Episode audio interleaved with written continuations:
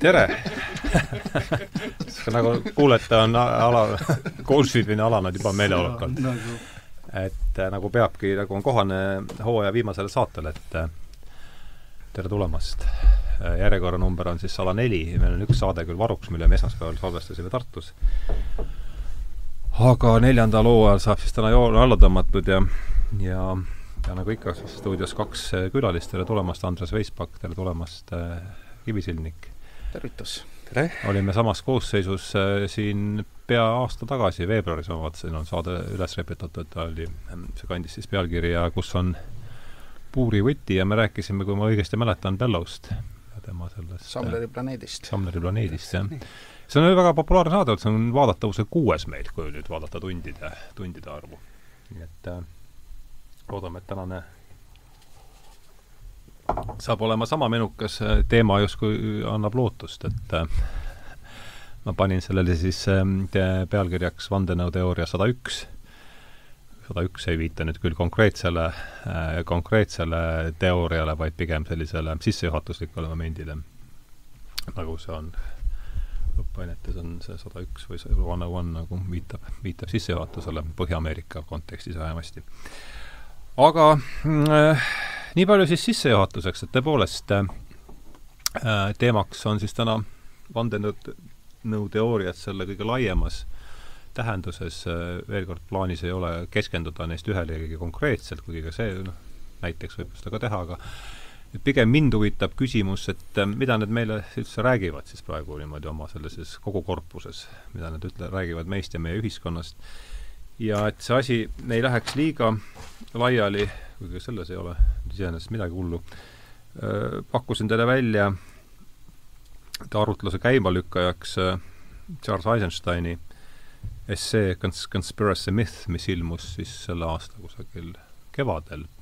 kroonimise me tõlkisime ära ja see oli kohe järgmine, mis sealt tuli, nad paljuski kattuvad. Et äh, nii palju sissejuhatuseks ja, ja pane, viskan siit kohe esimese küsimuse, jõudsin seda natuke siin täna konspekteerida ka paar lehekülge eks ma siis siit järgemööda lähen, et mida me vandenõuteooria all mõistame? hakkame Svenist pihta, et kui, mis, mis siis, mis tuu on ikka, sama küsimus? no eks ta on äh, Ameerika luurajate poolt välja mõeldud sõimusõna, millega siis sõimatakse lurjuseid, kes ei usu ametlikku valet, näiteks ametlikku valet Kennedy tapmise kohta mm. -hmm. et nii see, nii see üldjuhul ongi mm. -hmm ja mis ei tähenda muidugi seda, et kõik inimesed, kes ametlikku valet ei usu, oleksid normaalsed, terved ja targad, nii nagu ka ametlikud valetajad seda ei ole ja arvan, et seal see protsent võib-olla pigem, pigem ikkagi võib olla vandenõuteoreetikute kasuks, ma mõtlen nende tervemate, mõistlikumate ja et ja, ja vähemasti võib-olla julgemate ja riski, rohkem riskivalmis inimeste protsent ja see äratab ka usaldust, vähemalt minul sportlasel ikkagi ja mägironijale äratab usaldust inimene, kes võtab riske, mitte tädi, kes noh, vaikselt heegeldab mingisugust soovõrdsuse pitsi kuskil, aru saamata, mida ta teeb ja milleks.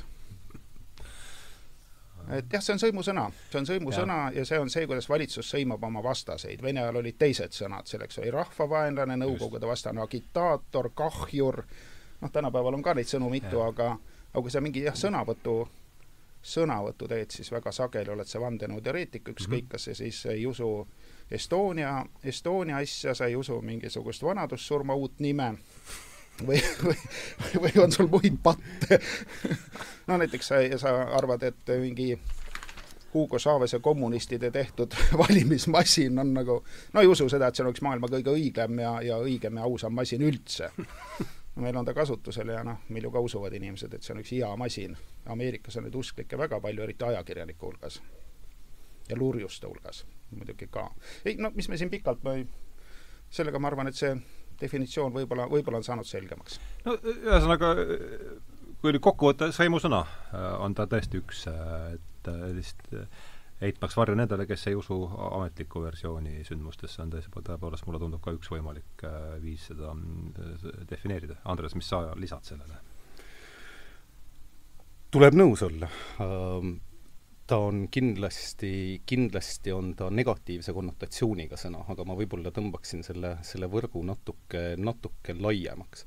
selles mõttes, et ma vaatasin, et esimest korda vist tuli sõna vandenõuteooria või vandenõuteoreetik vist esimest korda tuli kasutusele, kas see oli üheksateistkümnenda sajandi lõpus, kahekümnenda sajandi, sajandi alguses uh,. minu meelest oli, noh, väidetakse, et see oli juba tuhande kaheksasaja seitsmekümnendatel uh,, aga kas kusagil tuhande üheksasaja kümnenda aasta kandis vist ilmus, ilmus midagi sellises väljaandes nagu American Historical Review, kus see fraas oli esimest korda kasutusel. aga selle üle on muidugi palju laia, vaieldud, millal ta kuidagi nagu igapäevakasutusse jõudis ja väidetakse ja siin, siin haakub sellega, mis, mis Sven ennem ütles, et see juhtus kusagil kuuekümnendate keskpaigas. siis tuli võimsalt, aga siis pärast siis nii-öelda Kennedy. Mõrva ja sellega mm -hmm. seonduvaid erinevaid hüpoteese uh,. Minu jaoks ta ei ole sõim-, sõimusõna isiklikult, ma teda kasutatakse väga palju diskrediteeriva sõnana, ehk just nimelt see, mis on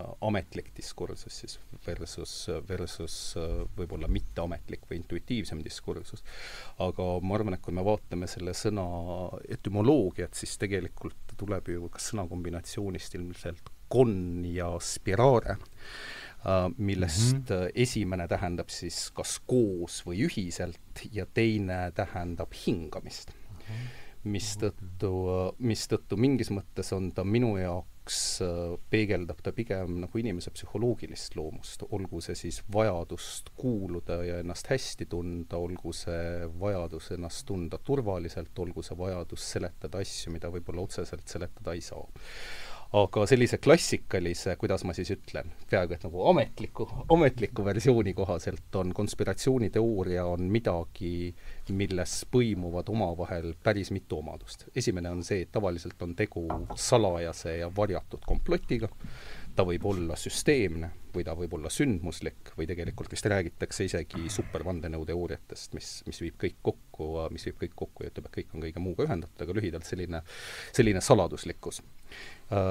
Teine, teine osa sellest on see, et kusagil on mingi grupp, tavaliselt kaks inimest või siis rohkem, kes, kes midagi salaja planeerivad. kolmas on see, et kusagil on, on siis tõendid selle kohta, et vandenõuteooria võiks pidada paika. Ja mis on väga oluline ja see on jällegi see, mis, mis on nagu mingis mõttes eristav faktor, mis tuleb tagasi selle juurde, mida ütles, mida ütles Sven, on see, et, et need ei ole lihtsalt tõendid, vaid need on tõendid, mis on mingis mõttes vastuolus äh, sellega, millest, äh, mida, mida väidab siis, kutsume seda ametlikuks versiooniks.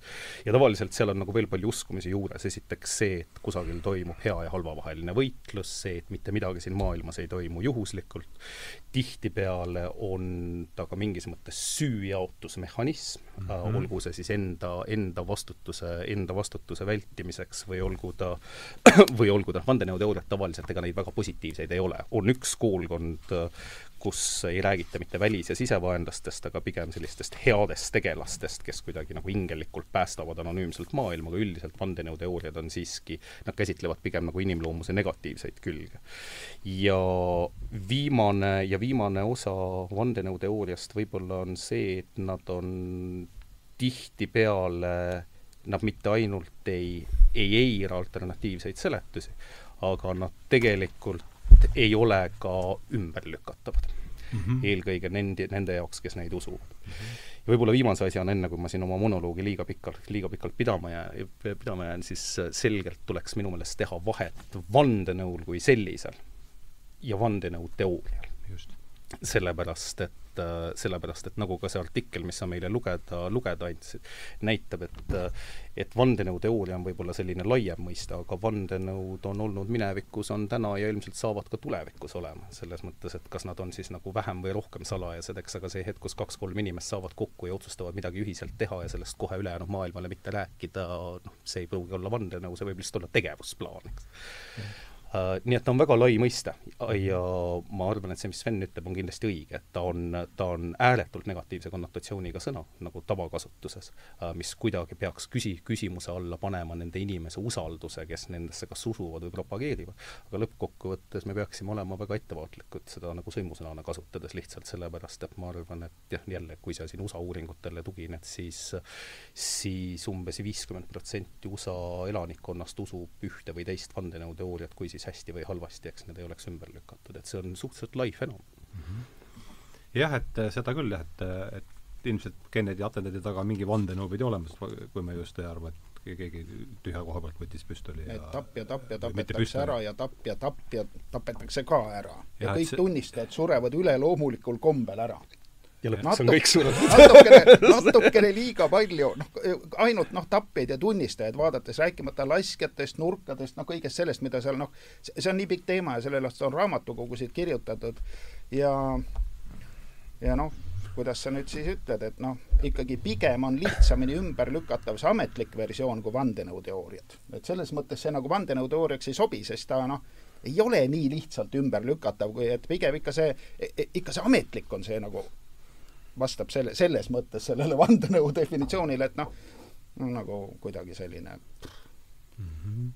et te... no, jah, ühte ei saa jõuga ümber lükata ja teist nagu ei saa mõistusega ümber lükata, et seal muud mhm. vahet nagu ei ole mm. -hmm no ma teen siis esimesest ringist kuuldus kokkuvõtte, et sa ütlesid, et üheksateistkümnenda sajandi keskpaigas hakkas see mõiste juba vaikselt tule imbuma tead, kui ma nüüd õigesti mäletan, ei, ma arvan, et see mõiste ise ei imbunud siis veel kuhugile ja minu meelest kas oli tuhat kaheksasada seitsekümmend või seitsekümmend üks, kus väidetavalt seda, seda sõnakombinatsiooni esimest korda kasutati mm., aga laialdases kasutuses ma arvan no ikkagi Kennedy oli ta jah, pigem ikkagi kahekümnenda sajandi keskpaigas sutsu edasi. nüüd Kennedy atentaat on ilmselt üks äh, selliseid äh, mm. -hmm. no see haakub, okei okay,, tõmba seda praegu liiga laiali, et tuleme selle juurde tagasi, aga et teine pool sellest conspiracy ja myth on siis see artikkel, mida me kasutame siin selle ähm, töö käima lükkava hüppelauana, et räägiks müüdist ka siis, et mis, mis tuum ja, ja üritaks nad siis kokku panna, et kuidas sina mõistad äh, Sven, müüti? mis no, no eks võtame, eks neid müüte on ju igasuguseid no kui sa võtad sellise müüdi, et võtame Eestist, et suur tõll ja Piret, noh, üks kandis kive põlles ja teine kuskil turjal ja tegid mingisuguse saare, no eks see on lugu, mis seletab, noh, saare, noh, tekkemuistand, eks ole, kuidas see saar sinna sai, no tundub, et ei ole päris okei. Okay..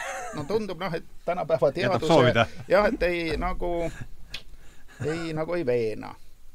aga samas, kui võtta näiteks äh, ütleme, kristliku usu üks aluseid, et noh, et äh, inimesel ja loomadel ja, ja kõigel on looja, siis see müüt iseendast tänapäeva füüsika valguses, nagu mõned inimesed, kes füüsikat viitsivad lugeda, väidavad, et nagu, nagu sobib. et ei ole nagu see suure tõllu lugu. et see looja lugu on nagu, see seletab midagi mm. -hmm. aga tõllulugu, eks ole, no kunagi seletas, aga tänapäeval enam ei seleta ütleme, et müüte on erinevaid, jah mm. -hmm. ja mõned neist on väga-väga komplitseeritud ja, ja selliseid jätavad mulje nagu niisugusest peaaegu ulmeromaanist, kui lugeda Maia de Popol Vuhhi, nende loomislugu, siis on veel keerulisem kui piiblis ja palju keerulisem ka kui sumeritel. noh, seal oli vist neli inimese loomise katset, no erinevad seal erinevad põhjused, miks nad nagu halvasti läksid ja mis seal hästi läks. et see on eesti keeles olemas, see raamat, seda võib lugeda.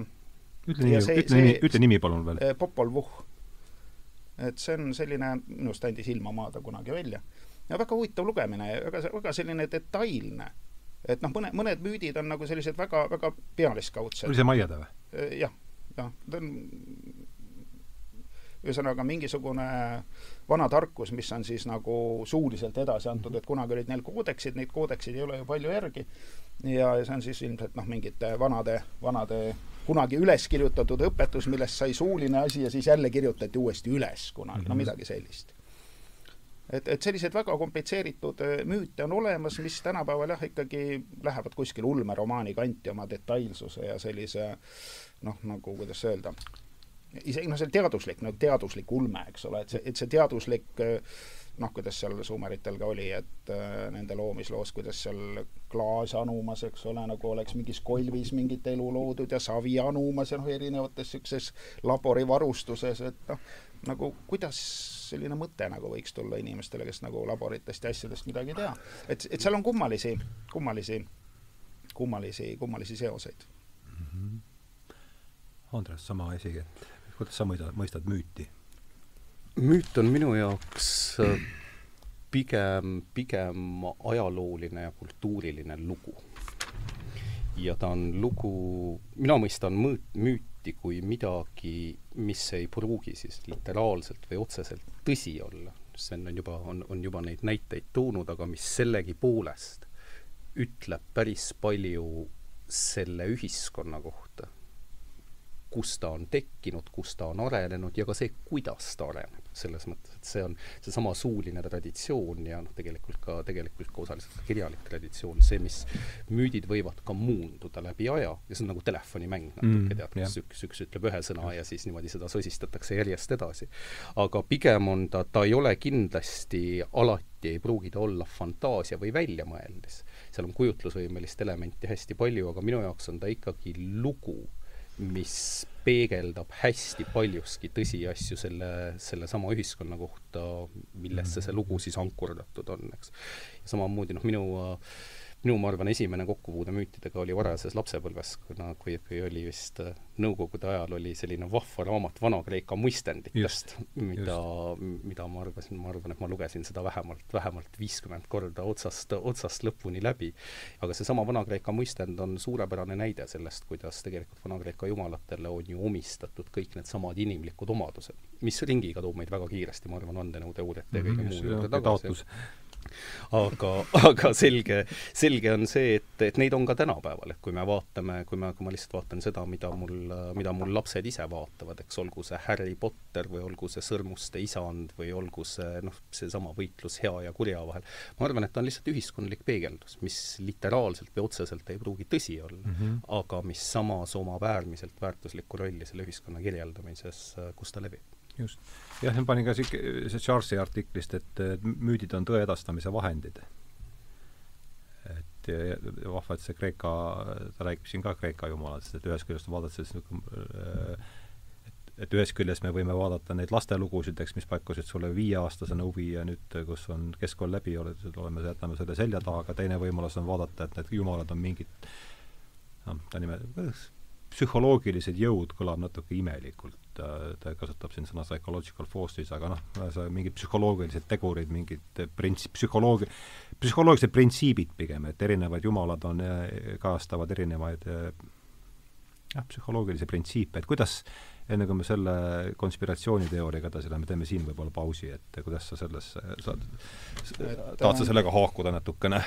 Et jumalad on siis nagu inimese mõistuse mingid või hinge aspektid. just, jah, jah, inimese no, mõistuse selle, hinge aspektid no, just, jah. siis, siit, siit me jõuame jälle sinna välja, et mis see inimese mõistus siis meil on, et kas ta on raadio, kes võtab kuskilt mingeid laineid vastu mm, -hmm. on ta plaat, no või plaadimängija, kuhu pannakse plaat sisse, ta mängib mingit plaati, või on ta siis mingi arvuti, kes võib ise ka midagi välja arvutada mm. -hmm. et noh, see on, et kas see jumal on siis plaat on ta raadiosaatja või ta on protsessor või on need erinevad asjad, et eh, osa jumalaid mhm. esindavad protsessoreid, osa esindavad CD-plaate, osa esindavad raadiosaatjaid.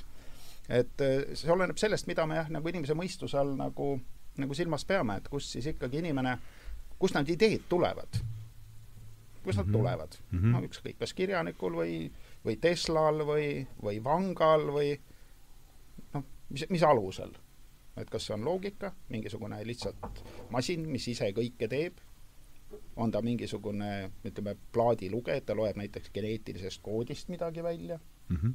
või millestki muust, või ta vasta-, võtab üldse vastu mingisuguseid no ma ei tea, mis tüüpi laineid või, või sagedusi, mis iganes ollust, noh, seda on, keegi ei tea ka, ega meil universum on suur osa mingisugust meie jaoks arusaamatut mateeriat ja arusaamatut energiat, et no mis sa oskad selle kohta siis öelda, mis see teadvus sul täpselt on, et see võib nii olla, see võib mhm. kindlasti nii olla, aga jah, et kui, kui et kui ta nüüd on ikkagi raadiosaatja näiteks, et siis ta tähendab hoopis midagi muud. või raadio vastuvõtja. ei no jah no,. noh, nii, nii üht kui teist, nii üht kui teist. kuskilt noh, et see vastuvõtja ise midagi mm ei tee, et seal on see oluline asi, et protsessor nagu okay. midagi teeb, aga et vastuvõtja lihtsalt noh, võtab vastu, võimendab ja, ja, ja noh mm -hmm., väristab õhku, nii nagu kuskil on see salvestatud. Et ta võib nii olla muidugi mm. -hmm. aga, aga mis ta siis ikka on, ega sellele ma vastust ei saa nojah, siin jõuamegi selle alg- äh,, Eisenstein jõuab ka ka siin selle algse, algse müüdi juurde lõpuks välja, et me sinna või al-, alus, meie praeguse elukorralduse alusmüüdi juurde. aga no eks see, see on niikuinii konstrueerid tagantjärele selle asja, aga su-, suudad sa meenutada, et mis sind nii võlus nendes äh, Kreeka muistendites, mida sa et veel kord, ega sa tolleaegset mõtlemist vaevalt sa nüüd suudad taastada, aga, aga siiski, isegi, isegi kui mitte mõtlemist, siis, siis ma arvan, et, ma arvan, et tunne ise on mul, on mul alati meeles esiteks ma arvan, et need olid huvitavad ja kaasakiskuvad lood mm. -hmm. ja ma arvan, et see ei ole väheoluline tegelikult ka selle teema puhul, mida me käsitleme siin uh,. eelkõige sellepärast, et, et selline võib-olla nagu materiaalne teaduskesksus, mis suuresti kirjeldab seda maailma, milles me täna elame, on põhjalik, nüansirohke, vaevarikas, äärmiselt spetsialiseerunud ja selgelt mitte täielikult mõistetav. Sellepärast, et kui viissada aastat tagasi sul võisid olla tegelased nagu Leonardo da Vinci, kes ikkagi haarasid hästi suurt spektrit sellest, mida tol ajal teati, siis tänaseks on see, on see ikkagi muutunud äärmiselt spetsialiseerituks mm -hmm. ja need lood ei ole nii huvitavad. sellepärast, et sellepärast sageli äärmiselt ebahuvitavad. just, sellepärast et, et viiskümmend lehekülge valemeid ei ole selgelt, ei ole selgelt äh, sama huvitavad kui, äh, kui see, kuidas, kuidas Hera sai läbi, läbi Zeusiga või see, kuidas, kuidas jumalad omavahel, omavahel võitlesid uh, aga ta võib-olla, kui sa tuled selle psühholoogia juurde tagasi, nagu, nagu tegelikult nagu Sven ütleb, see on, sa võid, neid dimensioone on seal äärmiselt palju. aga ta on ikkagi ühel hetkel, näitavad nad ka mingisugust vajadust selguse järele mm. -hmm. ja vajadust või uskumust, et kõigel peab olema kusagil mingi põhjus. et asjad lihtsalt ei juhtu iseenesest ja kõige lihtsam põhjus tihtipeale on see, et seal kusagil on Jumal, kes niimoodi tahtis, eks mm, -hmm. ja see võis olla hea Jumal, see võis olla halb Jumal, see võis olla neutraalne Jumal, eks. ja noh, maailmas ega, ega igal religioonil maailmas ei pruugigi tingimata olla Jumalat alati ja, ja mõnedel religioonidel ei olegi, eks. aga ma arvan, et ta loomulikult ta kasvab välja inimese psühholoogiast, nagu sa, nagu sa ütled, Hardo, aga aga ma ei äh, täp-, täpselt millist nüanssi sellest esile tõsta, on, äh, on õudselt keeruline. küll ma aga arvan, et meil on vajadus seletada kas siis rohkemal või vähe, vähem rahuldaval viisil seda, mis meie ümber ja mis meiega toimub ja kui ühel hetkel äh, võrrandeid ei taha lugeda, kui võrrandeid ei ole, siis astub mängu Jumal pluss äh, seal on ka kahtlemata üks teine väga oluline aspekt, mis on, mis on see, et et Jumal võimaldab meil toime tulla sellega, et me ei saagi kõigest tingimata aru ja ei peagi kõigest aru saama. ja see, noh, viidates sellele, mis ma, mis ma siin võib-olla paarkümmend sekundit varem ütlesin, on tihtipeale inimeste jaoks üsna keeruline, sellepärast et ta tegi, tekitab eba, ebakindluse ja ebaturvalisuse ja, ja need mõlemad ei ole, ei ole emotsioonid, millega enamik meist ennast väga, väga mugavalt tunneb mm. -hmm nojah, üks võimalus seda seletada ongi, et, et sellise tänapäeva äärmuslike spetsialiseerumise käigus, kus äh, keegi kirjutab artikli, teeb sinna joonealuse viite ja sellest joonealuse viites kirjutab keegi artikli, millest on omakorda seitse joonealust viidet, et see, see pihustub, see pilt pihustub nii ära, sellest ei oma isegi ju ettekujutust enam erialateadlased, ammugi siis inimene tänavast, kes lõppude lõpuks ju kogu selle tralli kinni maksab oma, oma taskust, et nendele on ikkagi vaja mingit sellist äh, ühendavat lugu, mis selle ju mingiks tema jaoks äh, arusaadavasse vormi paneb ja ma arvan, et siin on müüdid, ma lihtsalt viskan üles, võtan väikse kokkuvõtte ja, ja annan teile siis võimaluse seda kommenteerida, et need äh, võimalikud vandenõuteooriad siin praegu sellist rolli ka täidavad. ütleme, et eks igal, igal ajal on need müüdid erinevad ja vandenõuteooriad on erinevad, kui kui me võtame kas või piibli, ega see on ju ka vandenõuteoreetiline teos selles mõttes, et noh, paranoiline luul on, et keegi kontrollib asja, eks ole, valitseb täielikult sind, sa oled tema ees noh, võimetu, midagi sa teha ei saa, kui halvasti käitud, lähed põrgusse. noh, kõik, kõik äh, maailmas on korraldatud, noh, sinnamaani, eks ole, ja ilmselt edasi korraldatakse ka, noh, on veel ilmutused, mis näitavad, mis edasi tuleb ja prohvetid, mis räägivad, mis edasi tuleb, kui sa sõna ei kuula, tavaliselt tuleb halvasti, ja noh, ütleme, et nüüd on, kui selle asjaga nüüd kohtusse minna, siis on kaks asja, kas on asitõendid ja kas on tunnistajad. noh, need kaks asja. ja sageli tüüpidel on tunnistajad, inimesed, kes on näinud Jumalat. Mooses nägi nii nägi, kirjutas üles, mis öeldi. siin on asitõendid ka, kivitahvlid, no on läinud kaduma, aga põhimõtteliselt mõte on alles aga kui võtta müütide, näiteks mingisugune, ükskõik neid äh, suuri kivikobakaid maailmas on ju, ju palju mida Seda tänapäeva, tänapäeva, ei, asitõendeid selles mõttes, et tänapäeva tehnikaga neid sealt, kus nad on toodud, sinna panna, kus nad praegu on ja töödelda, no nii, nagu neid on töödeldud noh, kas on keeruline või võimatu või noh, nii kallis, et no inimesed tänapäeval siiamaani tänapäeva tehnikaga kõige äh, raskem kivi, mis on liigutatud ühes tükis, on äh, kolmsada tonni. see on Ameerikas viidi ühe kunstimuuseumi nagu ukse ette, mingi käik, käikleb alt sinna kuskile mm, -hmm. saad installatsioone vaadata, siis toodi suur kivi aga see, noh, see on lihtsalt üks kivi, eks ole, teda ei ole seal midagi töödeldud ega midagi, ta on toodud mööda siledat maad seal ei ole vahepeal jõukäsid, Stonehenge'i need kivid on toodud sealt alt nurgast, Inglismaa nurgast seal vahepeal palju need kaaluvad, kas oled materjalidega tutvunud? ei tea, eks neid kõike saab, saab guugeldada, nad on ikkagi kaunis rasked, arvestades seda, et nad on toodud ikkagi väga, väga läbi keerulise maastiku, kus nagu väidetavalt ei olnud ei teid ega sildu ega ei olnud ka mingit tehnikat, millega neid, ei teid ega sildu teha ja ega vedada ega tõsta ega töödelda peale siis ma ei tea mis, tavaliselt on nad pronksiaegsed, eks ole, need kivikobakad kultuurides, kus ei tuntud õigeid veoloomi ega ratast, noh et see kõik, noh, et on mingid asitõendid siiski on ka olemas osadel müütidel, on olemas. Et selles mõttes ei saa öelda, et noh, et meil on ainult tunnistajad, no tunnistaja võib olla valetunnistaja, eks ole, nad võivad olla kokku leppinud või, või, või ei ole üldse millestki aru saanud. aga kivikobakas on asi, mis paneb mõtlema. Ja kui selle kivikobakaga on seotud mingisugune vandenõuteooria või müüt, siis ta mõjub veidi teistmoodi kui lihtsalt selline, et mingi džungli suguharu teadis mingit tähtkuju kuskil, eks ole. võisid teada, aga keegi võis neile öelda selle hiljem, võib-olla sada aastat tagasi või viiskümmend aastat tagasi, korraldasid seal midagi, et kuulge, rääkige, et te teadsite seda, siis tulevad nad siia, toovad teile klaashelmeid ja õlut, eks ole, ja rääkige seda juttu. noh, võib olla, seda saab nii seletada, aga kivikobakat sa nii ei seleta. et siiski osadel müütidel on väga, väga veidrad, väga veidrad, väga veidrad asitõendid mida, mhm. mida ei saa ümber lükata, et selles mõttes nad jälle ei, müüdid ei lähe kõik nagu vandenõuteooria alla, et noh, asitõendid on olemas. no valimispettuse kohta on ka asitõendid, aga ERR-il ja Delfil ei ole. aga noh, vaatad neid tunnistajad, kes vande all tundide kaupa räägivad, noh, kuidas see asi on, no, no nii, no ma ei oska öelda, mis asi see siis on, no no nii süsteemne ja nii väärastunud see valimissüsteem seal Ameerikas, no nagu meie elektrivalimised, no meil on muud valimised ka, eks ole, aga aga tundub, et seal Ameerikas nagu muud ei olegi enam. noh, nii palju, kui sa jõuad neid kolmetunniseid, no ma tõesti ei viitsi ega jõua enam neid kõiki kuulata, et kui pilt on selge, et noh, valimise neid, kes vaatlejad peaksid olema, no neid vaatlejaid kas ei lasta üldse ligi, hoitakse tara taga kuskil eemal, no need binokkel võetakse ka käest ära, kui hakkab mingeid pabereid uurima ja aia tagant binokliga, eks ole, et siis sellise, sellise asja peale kuskil Ukrainas ja Valgevenes tehti uued valimised, sest see oli nii kohutav demokraatia moonutamine, aga, aga seal ei olnud muid moonutusi, piisas ühest. Et selles mõttes asitõendeid just nagu ikkagi mõne, mõne vandenõuteooria kohta on küll ja veel.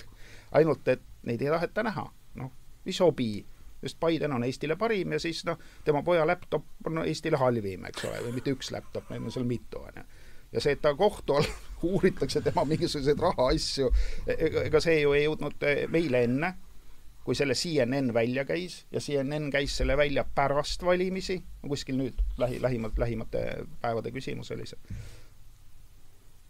aga see uurimine algas ju ammu et selles mõttes on kummaline, et noh, need mingid asitõendid on uurimised on ja lihtsalt nad ei jõua meediasse.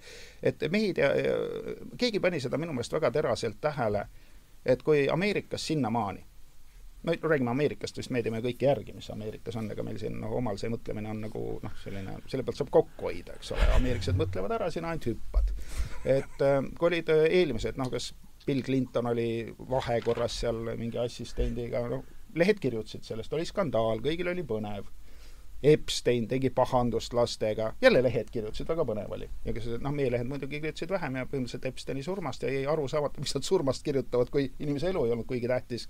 aga no surmast hakkasid kirjutama, surm oli ikkagi tähtis. Watergate'id või ükskõik millised skandaalid, ajakirjandus tegeles nendega.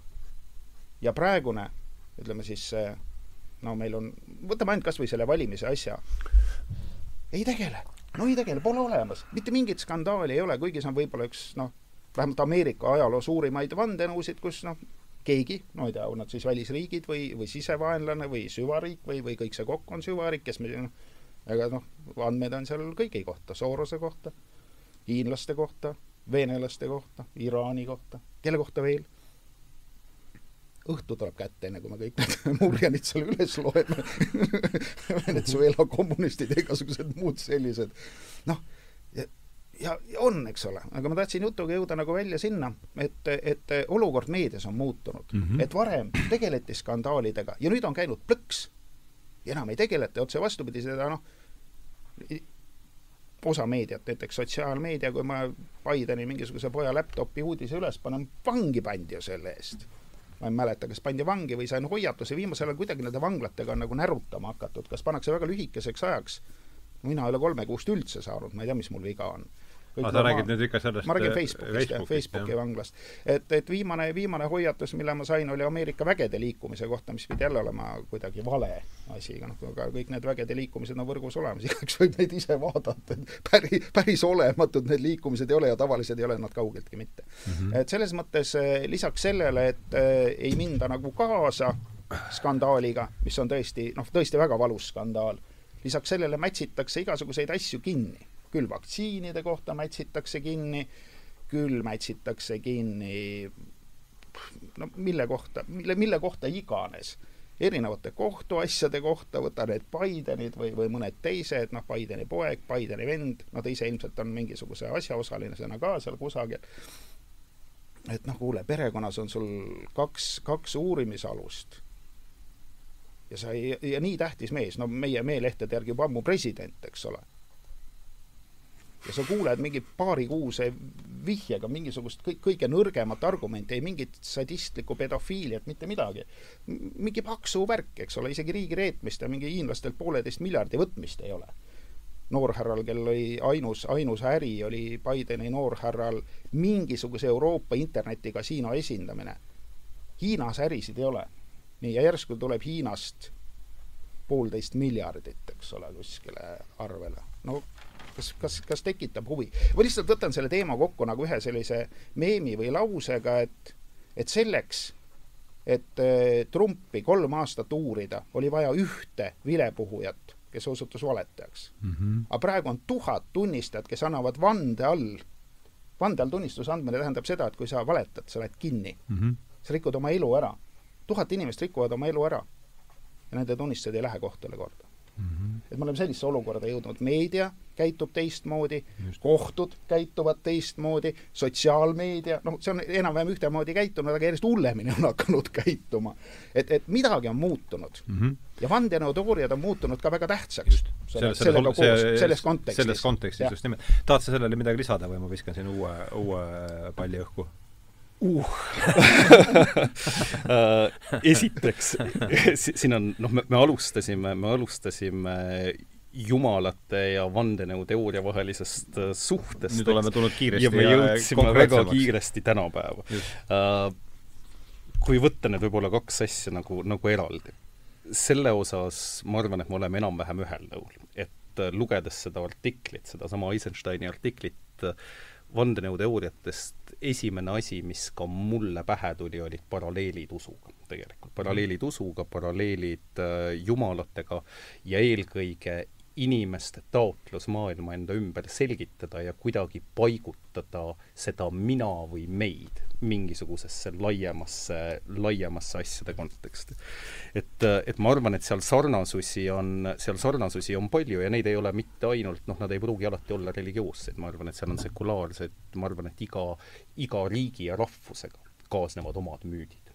just noh, see võib olla, see võib olla Kalevipoeg või Suur Tõll või, või Vabadussõda või noh, ükskõik mis, aga selline kangelaslik meie projektsioon mis, mis annab inimestele ühendava joone. ja seesama ühendav joon ja kuulumine on, on, olgu see noh, ükskõik milline see kooslus ka ei oleks, eks on, on, on ikkagi lõpuks oluline ja seal, seal ma arvan, on suur sarnasus sellel, mis on sekulaarne ja sellel, mis on religioonne nüüd see, mis puudutab, nüüd see, mis puudutab USA, USA valimisi äh,, ma muidugi ei ole Sveniga absoluutselt nõus mm, -hmm. nagu mitte ühegi koha peal äh, väga huvitav selles mõttes, et äh, selles mõttes, et on, on noh, jälle, vandenõuteoorial ja vandenõuteoorial on vahe mm. -hmm. on selgelt mõned vandenõuteooriad, kus sa kratsid kukalt ja küsid, kas seal midagi võis olla ja kuidas ja ma arvan, et see, millest me alustasime, ehk siis Kennedy on hea näide sellest, kus on kus on, kus ei ole, kus ei ole ikkagi lõpuks selge, mina lihtsalt ütlen, et ma ei tea, eks, ma ei ole, ma ei ole valdkonnas ekspert, aga selge on see, et ühest vastust on väga-väga raske anda aga samas ühest vastust on noh, alati, kui me räägime ametlikest versioonidest ja sellest, mis on tegelikkus ja mis ei ole, tihtipeale ametlik seisukoht äh, ongi ametlik seisukoht, eks, ametliku seisukoha järgi ei ole, on maailmas riike, kes ütlevad, et neil ei ole tuumarelvi, eks äh, mm. -hmm. samas kui noh, ei ole päris kindel, et see ikkagi niimoodi on, eks. mis nüüd puudutab, mis nüüd puudutab neid erinevaid vandenõuteooriaid, siis mul on väga raske uskuda vandenõuteooriat, mis ütleb, et maa on lame, eks mm -hmm. selles mõttes, et lõppkokkuvõttes, kui sa ikkagi, kui sa ikkagi vaatad oma satelliite, kui sa vaatad neid andmeid, mis alla tulevad, siis paistab ümmargusena pa,? paistab, paistab nagu üsna ümmargusena, jah uh, kui ma kuulen vandenõuteooriat, mis räägivad sellest, kuidas maailma valitsevad sisalikud, mul on jällegi teatud skepsis selles osas nagu väga, väga, väga leebelt öeldes uh, samamoodi, eks, olgu see, olgu see kuu, olgu see kuul maandumised või, äh, või noh, midagi muud, sul on lühidalt, sul on usutavamad ja mitteusutavamad vandenõuteooriad. ja nagu alati, seal lihtsalt ühel hetkel hakkab mängima rolli äh, analüüsivõime ja süvenemine, sest et vandenõuteooriatel on ikkagi kalduvus ühel hat-, ühel hetkel muutuda üsna nagu totaalseteks mm. -hmm.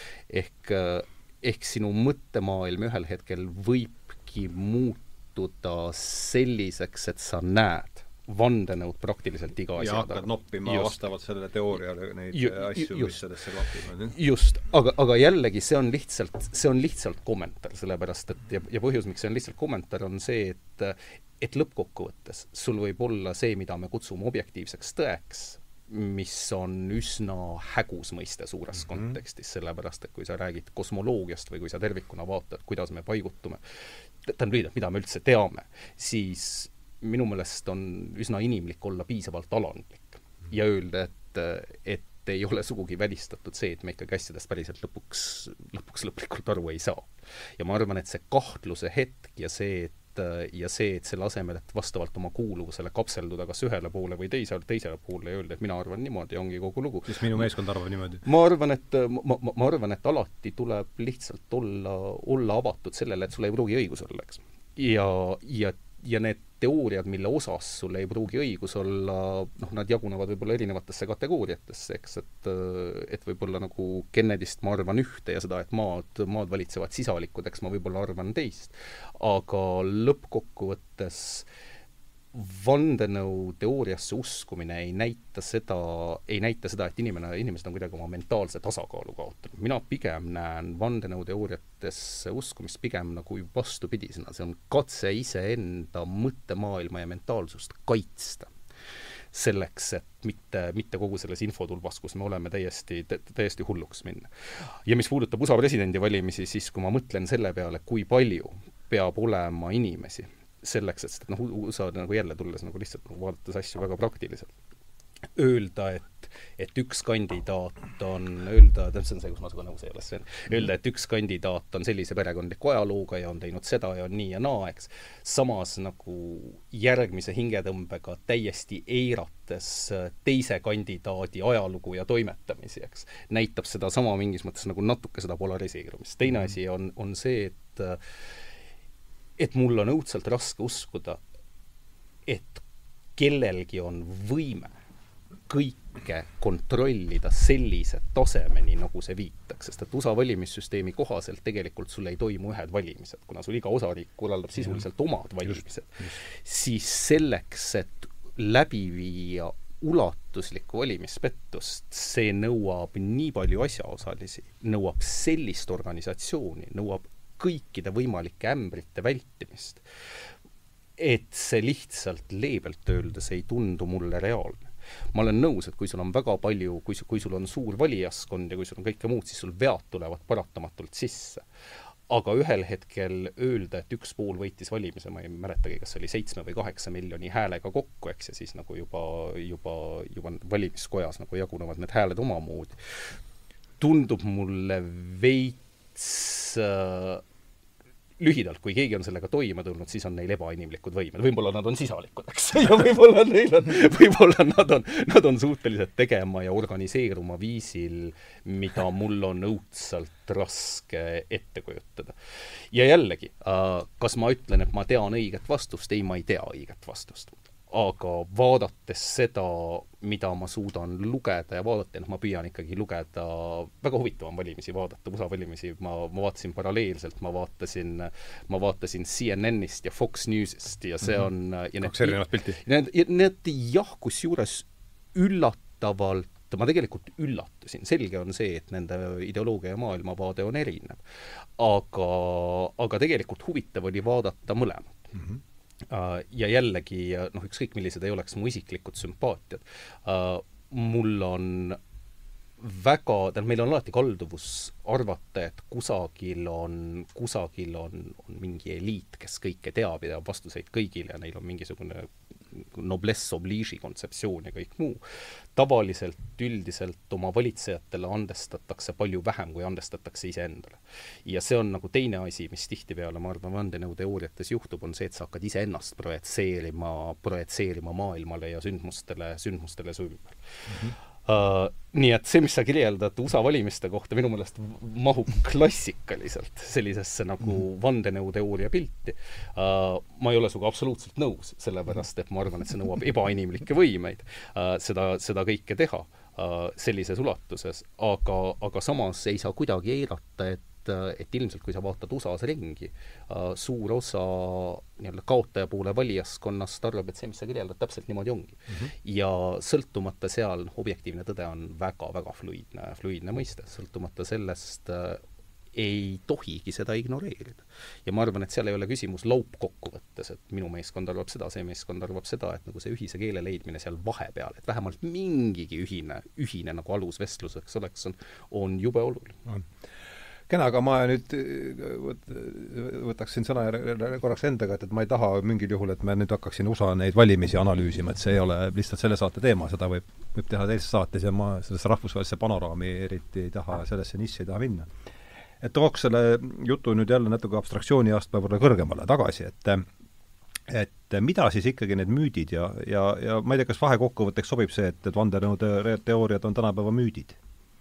mingil määral vähemasti selle sõna, selle, mitte selle sõna halvustavas tähenduses no, ütleme, vaid selles tähenduses, et nad niimoodi, et nad on nagu mõõdukad müüdid võrreldes selle absurdiga, mida peavooluajakirjandus eriti valimiste kohta räägib.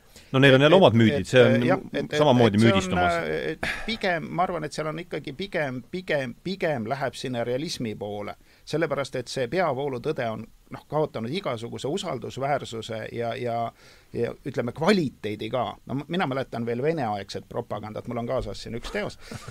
No, ei ole nii piinlik, kui, kui tänapäevane.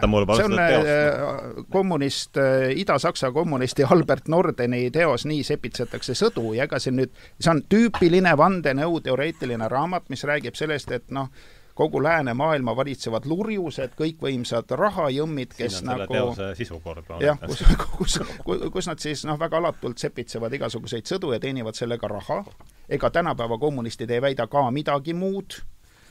Ja ega sellel on ka raske vastu väita, sest tõendeid siin raamatus on tõendeid Le Monde'ist, New York Timesist, noh, artiklid, mis kirjeldavad seda, et Tonkini lahes ei toimunud mitte midagi see oli noh, see intsident, millal siis alustati Vietnami sõda, ma just mhm. otsisin selle koha bussis üles, mitte midagi lisada ei ole, see on see on see, mis sul siin vahel on? jah, jah, jah see eelmine lugeja oli jõudnud ainult neljakümnendale leheküljele. et sissejuhatused on nii raju kommunism, et sealt on raske läbi, läbi närida. see meenutab mulle Nossovi Totut kuul, ma ei tea, kas tähelepanuväärne teos. lugenud, aga see on samamoodi jah, väga, väga tähelepanuväärne teos umbes samast. et selles mõttes ma võtsin ühe raamatu kaasa, et nagu julgustada uusmarksiste ikkagi ajama seda vandenõuteooriat, et see on klassikaline kommunism, on vandenõuteooria, see ei ole mitte midagi muud. kõik sepitsevad vaenu punaste vastu Mm -hmm. aga, ja samas, aga, aga kui tulla nüüd selle poole, et kas, kas on kuskil mingi jõud, kes suudab mingeid väga suuri asju korraldada? sõdu suudetakse korraldada. majanduskriise suudetakse korraldada. ja korraldatakse ka.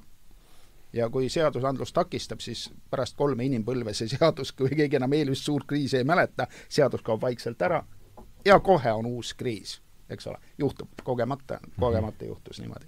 aga, aga mõtlen, üks hea näite mille ma usun, on kaunis raske nagu vastu vaadelda, et äh, vaielda, et me teame üks lääne haridussüsteemi mm. -hmm. kõik on kommunistid. mismoodi? kes selle korraldas? kes võib korraldada sellise asja, et üle kogu Ameerika, üle kogu läänemaailma on kõik ülikoolid idioodistunud kommunistlikud peldikud mismoodi, kes seda tegi, kellel see võimekus on, seletage mulle ära, kas see on nüüd mingi terve mõistuse asi? me näeme, et see on juhtunud aru ei saa, kuidas, noh. aga tegelikult on juhtunud. et selles mõttes ikkagi noh, võime nagu infiltreeruda mingil seltskonnal on täiesti hämmastav, see punaste kuuekümnendate loosung, see marss läbi institutsioonide mm, -hmm. paari päeva eest ma loen igasuguseid, mina CNN-i ei kuula, mina kuulan igasuguseid halvemaid asju, mina kuulan Alex Jonesi ja ma kuulan True Newsi ja ma kuulan äh, Newsmaxi ja ja see One America Networki, noh, mis on nagu sellised noh, natuke vähem ja noh, natuke rohkem nagu niisugused äh, konservatiivsed või lausa vandenõuteoreetilised ja, ja kõige enam nagu igalt poolt ära keelatud nagu Alex Jones ja, ja see Rick Wiles. et, et selles mõttes on tore vaadata seda teist poolt, et selle CNN-i ma saan kõik Eesti lehtedest kätte, seda ma üldse ei pea seda, seda, ma, seda ma ei pea lahti tegema, et õigus. see tõlgitakse mulle ära mingi valikuga muidugi, eks, ta niimoodi eriti ustava valikuga, et seal need karvasemad kohad jäetakse kõrvale, aga, aga see peavool, peavool tuleb kohale. CNN-i saame Eesti lehtedest no tegelikult eh, miks, miks on eh, hea Ameerika valikuid veel vaadata, et tegelikult on see nagu prohvetikirjandus, et see kõik, mis Ameerikas juhtub, see juhtub meil noh, kas mõne kuu või siis halvemal juhul noh, ja aastase viivitusega, et selles mõttes Eesti uudised pole üldse, mõtle Eesti uudised saad sa Ameerikast kätte mitu kuud varem. ma olen sama, olen juba viis aastat samas, samas ja, ja sama, no meedia on, meedia on minu meelest sarnane, sarnane näide, kuidas kogu maailm näiteks äh, räägib ühesuguse sõnastusega ühesuguseid uudiseid, sageli mm -hmm. ka veel ühes järjekorras uudisteplokis mm. -hmm. Eestis, Rootsis, Ameerikas, igal pool. no keegi ütleb selle peale, et nad on laisad, nad tõlgivad aga miks nad ühtesid asju tõlgivad ja teisi ei tõlgi, et tegelikult noh, väga palju huvitavat asja jääb tõlkimata, et tähtis ei ole ka see, noh, analüüsi tegemisel sa vaatad, millest nad kirjutavad, sa vaatad, millest nad üldse ei kirjuta, on mingeid teemasid, mida nad tõesti nagu piinlikult nagu väldivad mm. -hmm. ja, ja kummaline ongi, et ma, ma, noh, ma ka nagu eriti inimeste hulgas ei liigu, et noh, ei ela küll enam maal, aga aga noh, ütleme nagu ERR-i vaatajatega mul nagu ei ole eriti kontakti.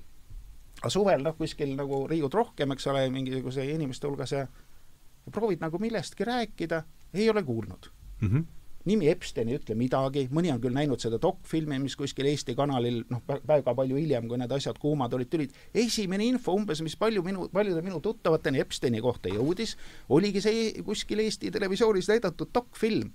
ja see oli maailmas noh, ju selline uudis, noh, New York Times kirjutas iga päev mitu kuud järjest neli lugu päevas mm. -hmm. aga vot seda ei tõlgitud ei sobinud, eks ole, kuidagi paha oli, kuigi, kuigi seotud on nii suured staarid, nagu üldse olla saab. aga noh, ajakirjandus on ju staarikeskne. järsku isegi staarid ei ole enam argument mm. -hmm. mis toimub? mis toimub. aga ma tahtsin nagu jah, et, et tuua nagu mõned sellised näited ikkagi asjadest, mis on väga hästi nagu korraldatud, väga hästi ühtselt organiseeritud ja tundub, kui noh, sa oled nendega lihtsalt nii harjunud, et sa ei pane enam tähelegi. Need tunduvad enesestmõistetavalt, aga ometi on ju mingi masinavärk ei tea, mismoodi tööle tõmmatud.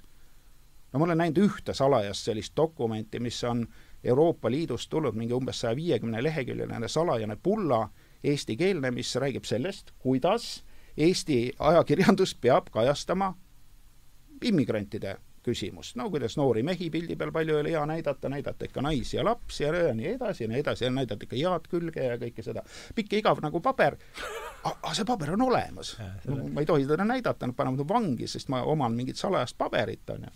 loodan, et arvuti kõvakettaga on see üldse ära kustunud kuskil, aga noh, ma olen seda näinud, ma olen seda näinud ja see, ja see on täiesti konkreetne vandenõud tõestav dokument, kuskil keegi suunab ja kontrollib Eesti ajakirjandust mm -hmm. teevad seda. aga ma tahaks ikkagi minna sellest konkreetsetelt näidetelt natukene üldistavamale sellele üles, et, et mida need, mida need teooriad ikkagi meile ja me võime siin üksi, üksikaupa neid lapata, siin võib terve sarja, uue sarja luua ja hakata neid üks, ükshaaval vaatama, et et mida nad ikkagi meie selle ühiskonna kohta praegu räägivad ja, ja ja, ja see on nüüd sellest Eisensteini artiklist jälle tundub mulle olevat ma saan sellest asjast ka umbes samamoodi aru, et see on ikkagi äh, Nad räägivad meile meie võtmeinstitutsioonide usalduse kaotusest meie võtmeinstitutsioonide vastu, milleks on siis äh, ühest poolt siis äh, teadus ja, ja, ja ajakirjandus, et kui meil kuuekümnendatel aastatel oli niisugune arusaamine, et kuskil on mm, seltskond valgetes kitlites äh, vennikesi, kes kõike välja arvutavad ja siis ajakirjandus äh,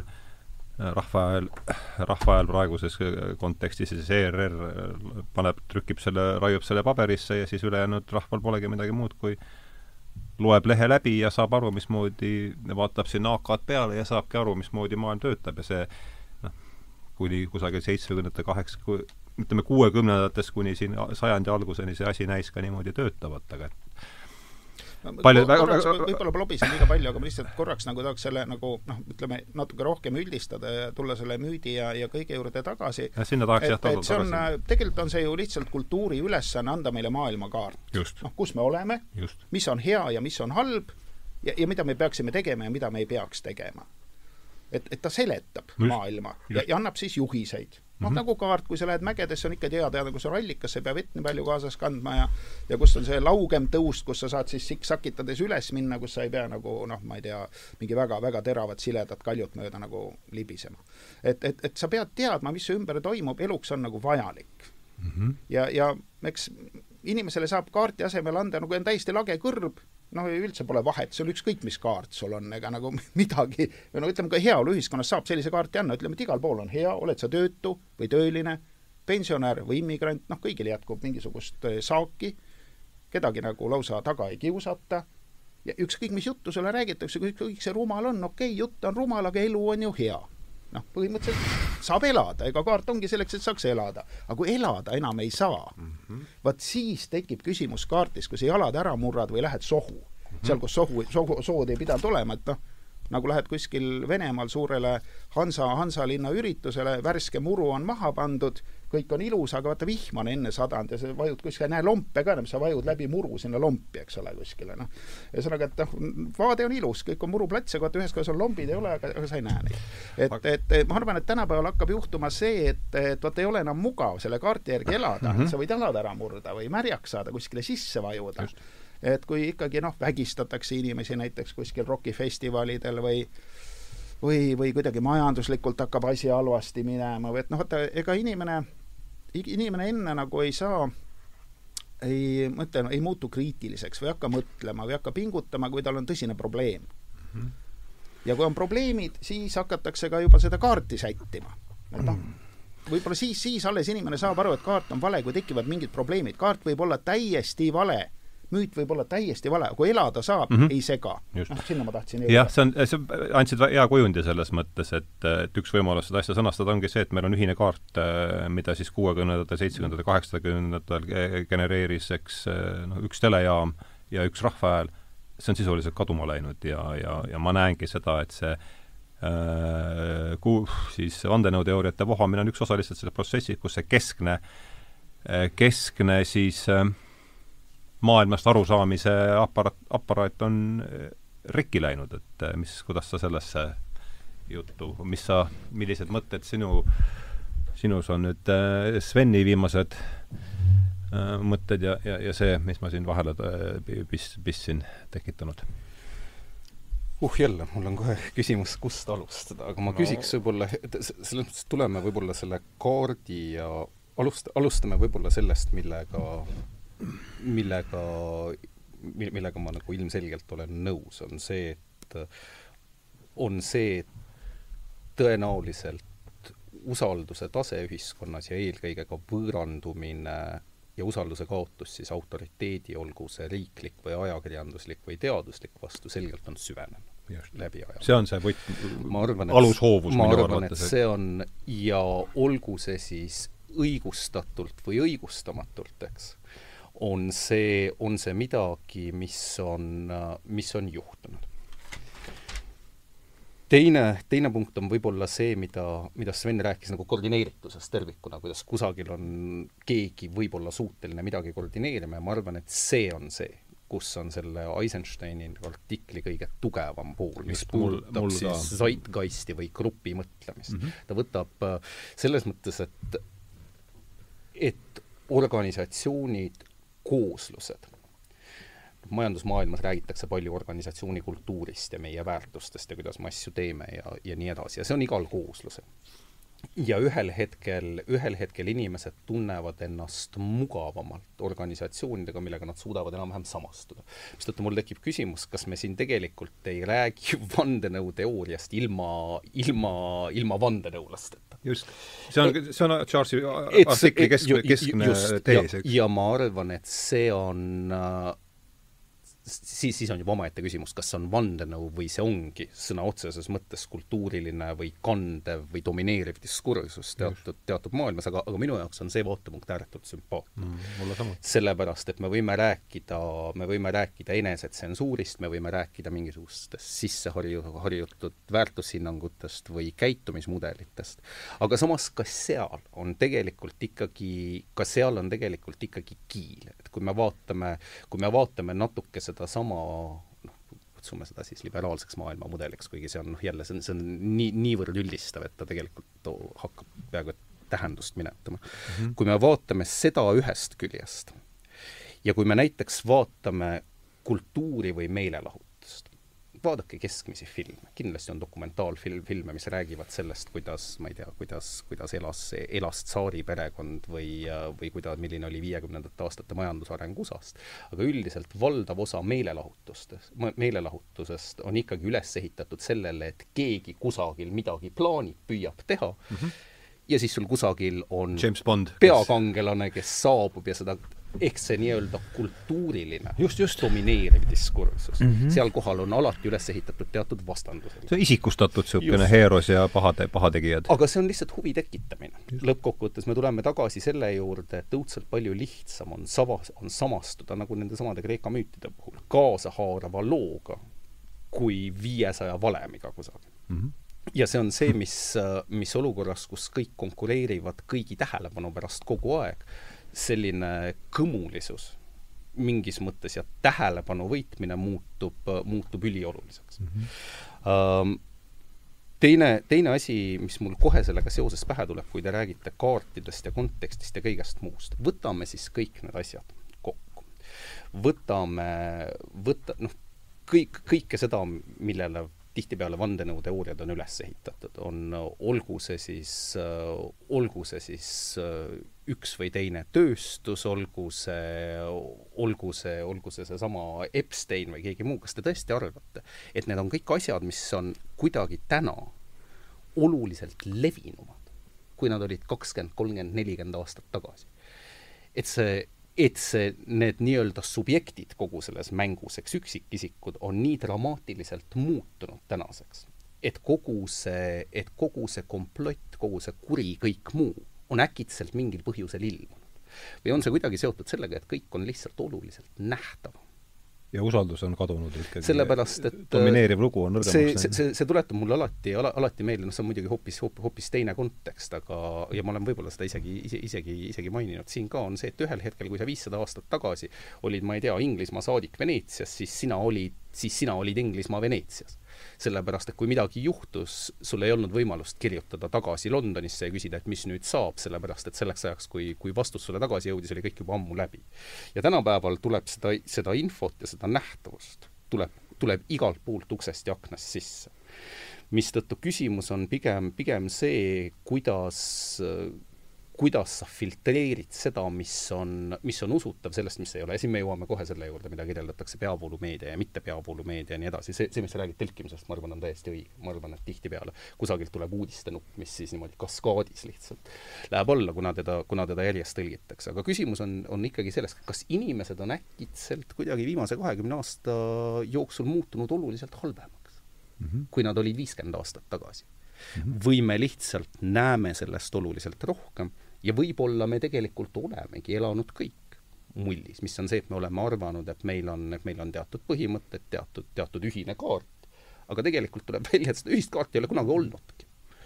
noh, jah, võib ju öelda oli, aga palju ta seda territooriumi peegeldas, see on omaette küsimus. ja, ja mis see territoorium seal all üldse on, see on minu meelest selles Charlesi artiklis võib-olla see kõige veel võib-olla veel huvitavam, et kas on olemas üldse niisugune asi nagu äh, objektiivne reaalsus või on see reaalsus see, mida me siin, või on reaal-, mis mulle meeldis see lause, kus ta poetas kuskilt, reaalsus on dialoog. meie ja siis selle, mis see ka ei ole, meie ümber selle vaheline niisugune tants. see on, see on kahtlemata tõsi, lõpuks, lõpuks noh, need, need vestlused tavaliselt jõuavad selle juurde, et kas me oleme kõik siin indiviididena või kollektiivselt kuidagi nagu pigem nagu, pigem nagu, nagu päikese poole või kuu varju poole kalduvad, eks. aga aga sellel on ilmselt ka evolutsiooniline põhjus, isegi kui keegi, isegi kui keegi väga noh, ei taha võib-olla seda tingimata arvesse võtta, mis on see, et jällegi me, kuna meie, kuna see keskkond, mis me oleme endale loonud, on niivõrd palju kiiremini edasi arenenud, kui meie enda bioloogiline baas ja meie aju, siis noh, jälle see on, see on võib-olla läbi selles, mida, mida ma olen, olen vist Hardo sulle ka ennem rääkinud, on see, et lõppkokkuvõttes meie pärineme, me pärineme ikkagi, ikkagi savannist kus me oleme, olime omal ajal mitte toiduahela tipus, aga keskmine loomake. mistõttu, kui sa vaatad seda evolutsiooniliselt, siis see, et sa kahtlustad, see, et sa võõristad, see, et sa oled pigem ettevaatlikult eemale hoidav, olgu see siis välise sisul, jah, just, selle, selle hind tolles kontekstis on väga madal. sellepärast, et hea küll, ilmub keegi teine su, su suguharu lõkke äärde, sa oled ettevaatlik, asjad võivad minna paremini või halvemini, aga vähemalt sa oled ette hoiatatud. nii et selle, selle ettevaatlikkuse või komploti või kõige halvema stsenaariumi ettekujutamise hind on väga madal mm. -hmm. samas selle ignoreerimine, selle hind võib olla väga kõrge mm, -hmm. in fact selle hind tegelikult tihtipeale võis tolles, tollel hetkel olla sinu eksistentsi lõpp mm. -hmm mistõttu me oleme tagasi, me oleme tagasi selle juures, kuidas meie oma bioloogilise baasiga kohaneme selles keskkonnas, kus me oleme. hea mm -hmm. küll, valgusajastu, äh, teadusrevolutsioon, tehnoloogiline revolutsioon, info, infoühiskond, kõik need asjad, mis üksteise peale koht-, kuhjuvad.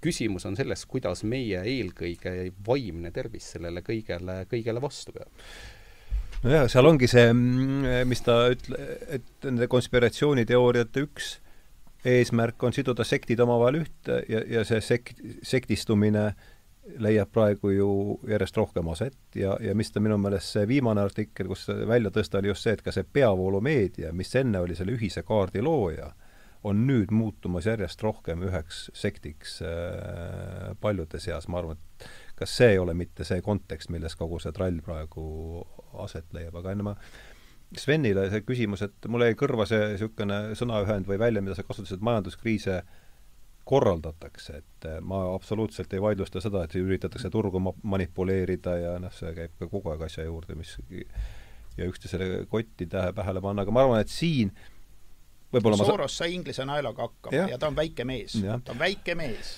aga ja, ja võib-olla ma saan sust mida võib... võiksid teha suured mehed?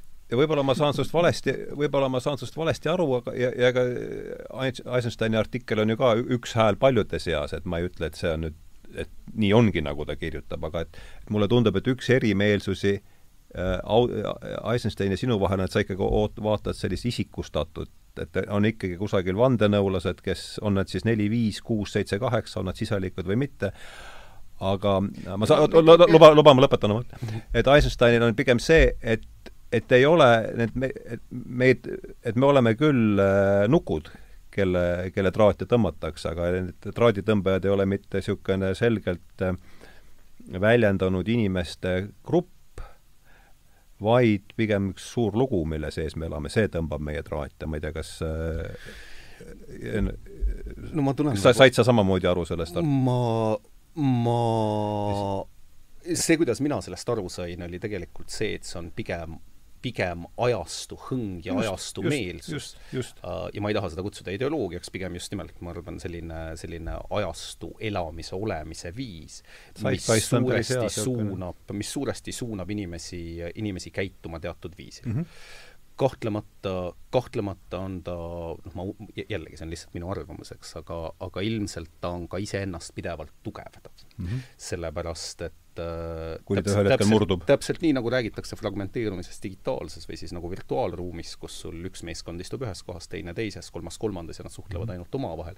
samamoodi on see ju ka tegelikult muidu, on see, et kui sa tegeled mingisuguse teatud asjaga, kui ma, kui ma näiteks, ma ei tea, kui ma, kui ma näiteks öö, olen mesinik, siis võiks eeldada, et ma suhtlen päris palju teiste mesinikega mm. -hmm. ja võiks eeldada, et teised mesinikud, olles igapäevitsi silmisti ilmselt sarnas, sarnaste probleemidega kui mina, mul on nendega üsna, üsna lihtne leida ühist keelt ja ühiseid teemasid ja see, see ju kehtib igal pool mm. -hmm. see võib olla, see võib olla tead, masinatööstuses või poliitikas või ka oma kaks kus, eks, et ei olegi nagu väga suurt vahet, mistõttu ma arvan, et et see on selles mõttes, selle koha pealt on tal ilmselt on tal ilmselt õigus, ma arvan, mhm. et see on, et see on, et see on väga sümpaatne mm, -hmm. mis ta, mis ta ütleb sellest nii-öelda ajastu hõngust mm. -hmm. aga tulles nüüd tagasi selle juurde, et noh, kusagil on mingi grupp inimesi või noh, ega ma sellesse hästi ei usu mm, -hmm. sellepärast oleneb jälle, mis tasandil, eks tegelikult ilmselt samal põhjusel, nagu, nagu vist oli, kas, kas see oli Popper, kes, kes ütles, et vandenõuteooriate kõige suurem nõrkus on see, et nad eeldavad kompetentsi, organiseerimisvõimekust ja mm -hmm. juhuslikkuse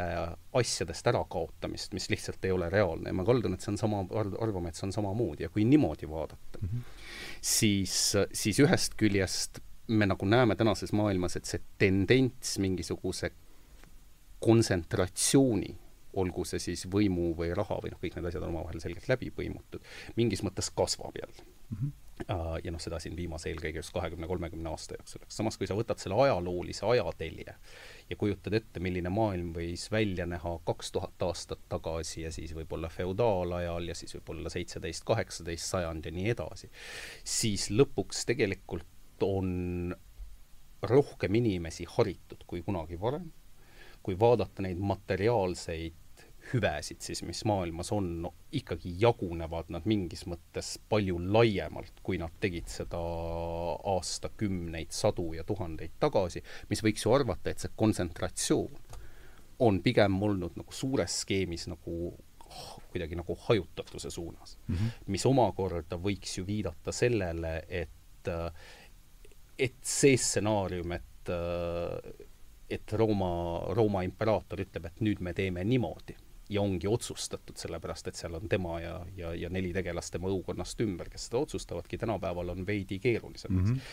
ja vaadates seda, kuidas, vaadates seda, kuidas ikkagi teatud otsuseid langetatakse, noh, me võime seda vaadata, ma ei tea, kas, kas mingite USA eelarve läbirääkimiste raames või, või, või Euroopa Liidus või kama kaks kus kohas mujal, tegelikult see konsensuse ehitamise protsess ja see, mida või keda püütakse arvesse võtta, ükskõik mida asjaosalised ise asjast ei arva, on mingi mingis mõttes sellesse ka ikkagi ju sisse kodeeritud mm. -hmm. Uh, ja, ja seesama nagu ma kuidas ma siis ütlen, vaadates seda mingis mõttes nagu kompromissimasinat, milles me elame, ma arvan, et see on ka paljude inimeste jaoks jaoks äh, selle asja puudus ja ma arvan, et inimestel on õudselt lihtne uskuda kahte täiesti vasturääkivat asja samal ajal mm. -hmm. et ühest küljest me räägime komplotist ja kõigest muust, teisest küljest on täiesti selge see, et inimestel, inimesed tahaksid mingisugust teatud suuremat selgust. et keegi tuleks ja ütleks, et nüüd me teeme niimoodi, sest et see on tegelikult see, millele kogu see Trumpi diskursus oli üles ehitatud. oli lõpuks see, et ma tulen, ma olen väljaspoolt, ma toon muudatuse stiilis asjad on suhteliselt mustvalged, et unustame selle halli ala ja kogu selle nüansseerituse ära ja ongi kõik. nii et ühest küljest, ühest küljest arvatakse, et kusagil on mingi tugev kontsentratsioon, teisest küljest justkui nagu soovitakse sedasama kontsentratsiooni mm, -hmm. sest et see on selgem ja see on lihtsam. ja kus see nagu vahe seal on, see tuletab mulle alati meelde täiesti, täiesti omapärast kaasust, mis on Stuttgardi rongijaama ehitamine mm. -hmm. Saksamaa üks rikkamaid regioone, kõik on rohelised, kõik usuvad äh, keskkonda ja sellistesse väärtustesse, eks Äh, ja siis ühel hetkel otsustatakse või mis otsustatakse, jällegi räägitakse aastaid läbi ja konsulteeritakse sada teist asja, et ehitaks uue rongijaama, uue kiirrongiliini, keskkonnale hea, eks autosid vähem, inimesed sõidavad rohkem rongiga ja kõik kõik need inimesed, kes usuvad, noh jälle ma liialdan, eks selgelt mitte kõik, aga väga lihtne on usk olla samal ajal roheline ja teisest küljest öelda, et tegelikult ma ei taha, et mu vana rongijaam ära äh,, kuidagi ära lammutatakse ja midagi muud keskkonnasõbralikku asemele ehitatakse. sest et see on mu traditsioon ja see on nagu kõik muu, ma arvan, et äh, samal ajal kahe vasturääkiva asja uskumine ei ole väga keeruline. miks mitte? no sa ed edukalt rakendanud ise ma arvan, et tõenäoliselt me kõik. Sven, aga sa oled nüüd pidanud äh,, kujutan ette, et on olnud äh, märkmeid tegema. Nii pikalt raske vait olla. Nüüd on see hetk. et mis sa kuulsid vahepeal, kommenteeri ja, ja eriti ma tahan, et sa kommenteeriksid seda isik, isikustatuse ja ebaisikustatuse aspekti, et no et ma ega, ega ajastu vaimu ei saa nagu nagu öelda, et ei ole. kindlasti on ja sellega ma ei hakka üldse vaidlema aga see ajastu vaim ikkagi Töötab on väga inimeste. sageli tekitatud mm, -hmm. väga sageli tekitatud. ja kui meil on, ütleme, no võtame selle planeedi, nii, põhimõtteliselt on seal üks Google, üks Facebook, üks Youtube, millel on nüüd tekkimas alternatiivid, sest nad on sellised, nagu nad on, kõigile tekivad mingid alternatiivid, aga ükski neist ei tööta veel korralikult mm. -hmm. ja siis peavoolumeedia, mis jaguneb kuue omaniku vahel mm. -hmm. nii sul on kaheksa asja, mis kontrollivad kogu maailma infot mm. -hmm. ja millegipärast kõik need kaheksa käituvad ühtemoodi. tsenseerivad ühesugused tüübid välja, ühesuguse info välja. no ütle nüüd, et see on ajastu vaim mm. -hmm. ma ütlen, et just need kaheksa masinat on tegelikult väga paljus selle ajastu vaimu loonud mm. -hmm. seda saab ka niimoodi võtta mm. -hmm. ja teine asi on ikkagi see, et noh, mina olen reklaamis töötanud ja, ja paljudele paljudele parteidele teinud kampaaniaid üle-eestilisi, Euroopa valimiste omi, maakondlikke, igasuguseid. kellega sa suhtled? sa suhtled tagatoaga, kus on kaks-kolm meest.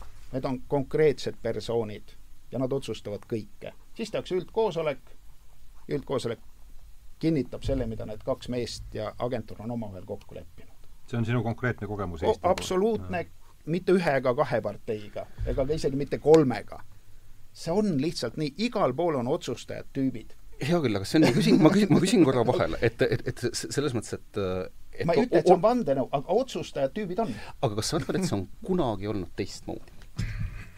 selle kohta ma ei oska öelda. ma ei oska öelda, kas Eesti, noh, Vabadussõda näiteks seal ei, kaks meest ei otsustanud, seal läksid koolipoisid ja neid oli rohkem ja korporandid. et seal ma pigem nagu tunnistan seda ajavaimu, selge see, et see ajavaim oli bolševistlik põhimõtteliselt, kes neid rahvusriike siis üldse vajas, sel hetkel oli rahvusriike vaja selleks, et impeeriume lammutada. ja kui impeeriumid olid lammutatud, siis lammutati ka rahvusriigid. nii nagu neid praegu lammutatakse, aga teisel eesmärgil, nüüd on vaja jälle, nüüd on vaja globaalimpeeriumi ehitada, see on jälle rahvusriigid jalus. et mingid ajavaimud on loomulikult olemas, aga samas siis on jälle mingisugused tüübid, kes korraldavad midagi, näiteks Keskküla, kes korraldas mingeid Lenini asju, eks ole, noh, ega seda mingi ajavaim ei korraldanud Mm -hmm. ega keegi ajavaim ei toonud raha Jaapanist ega Saksamaalt kommunistidele, ikkagi olid mingid konkreetsed inimesed, kes seda tegid mingi konkreetse eesmärgiga, need olid kõik vandenõud, selleks, et mingile Tsaari-Venemaale tala panna vaikselt, vastik riik ja väga stabiilse majandusega, tõusis ka veel, eks ole, kogu aeg. Napoleonid eksid läbi, milleks, noh, hea revolutsionäär oli, noh. Tead, aga siis ma võib-olla, võib-olla nagu küsiks veel, sest tegelikult see on, noh, noh, ma, ma, ma, ma üldse ei vaidlustagi, kui me vaatame, kui me vaatame lugusid Ukraina näljahädadest või, või viljaimpordist Nõukogude Liidust välismaailma ja noh, see kõikide nende asjade tagajärgedel, see, see, see, et, see, et maailmas on toimunud palju asju, mis võib-olla päris nagu eetilis-moraalsetele standarditele ei vasta ja meie arusaamale võib-olla, eeldusel, et see on jagatud, mis võiks olla õige ja vale, ei vasta, et seda, seda ei saa eitada. aga kui palju sa arvad, et asi on tegelikult ootustes?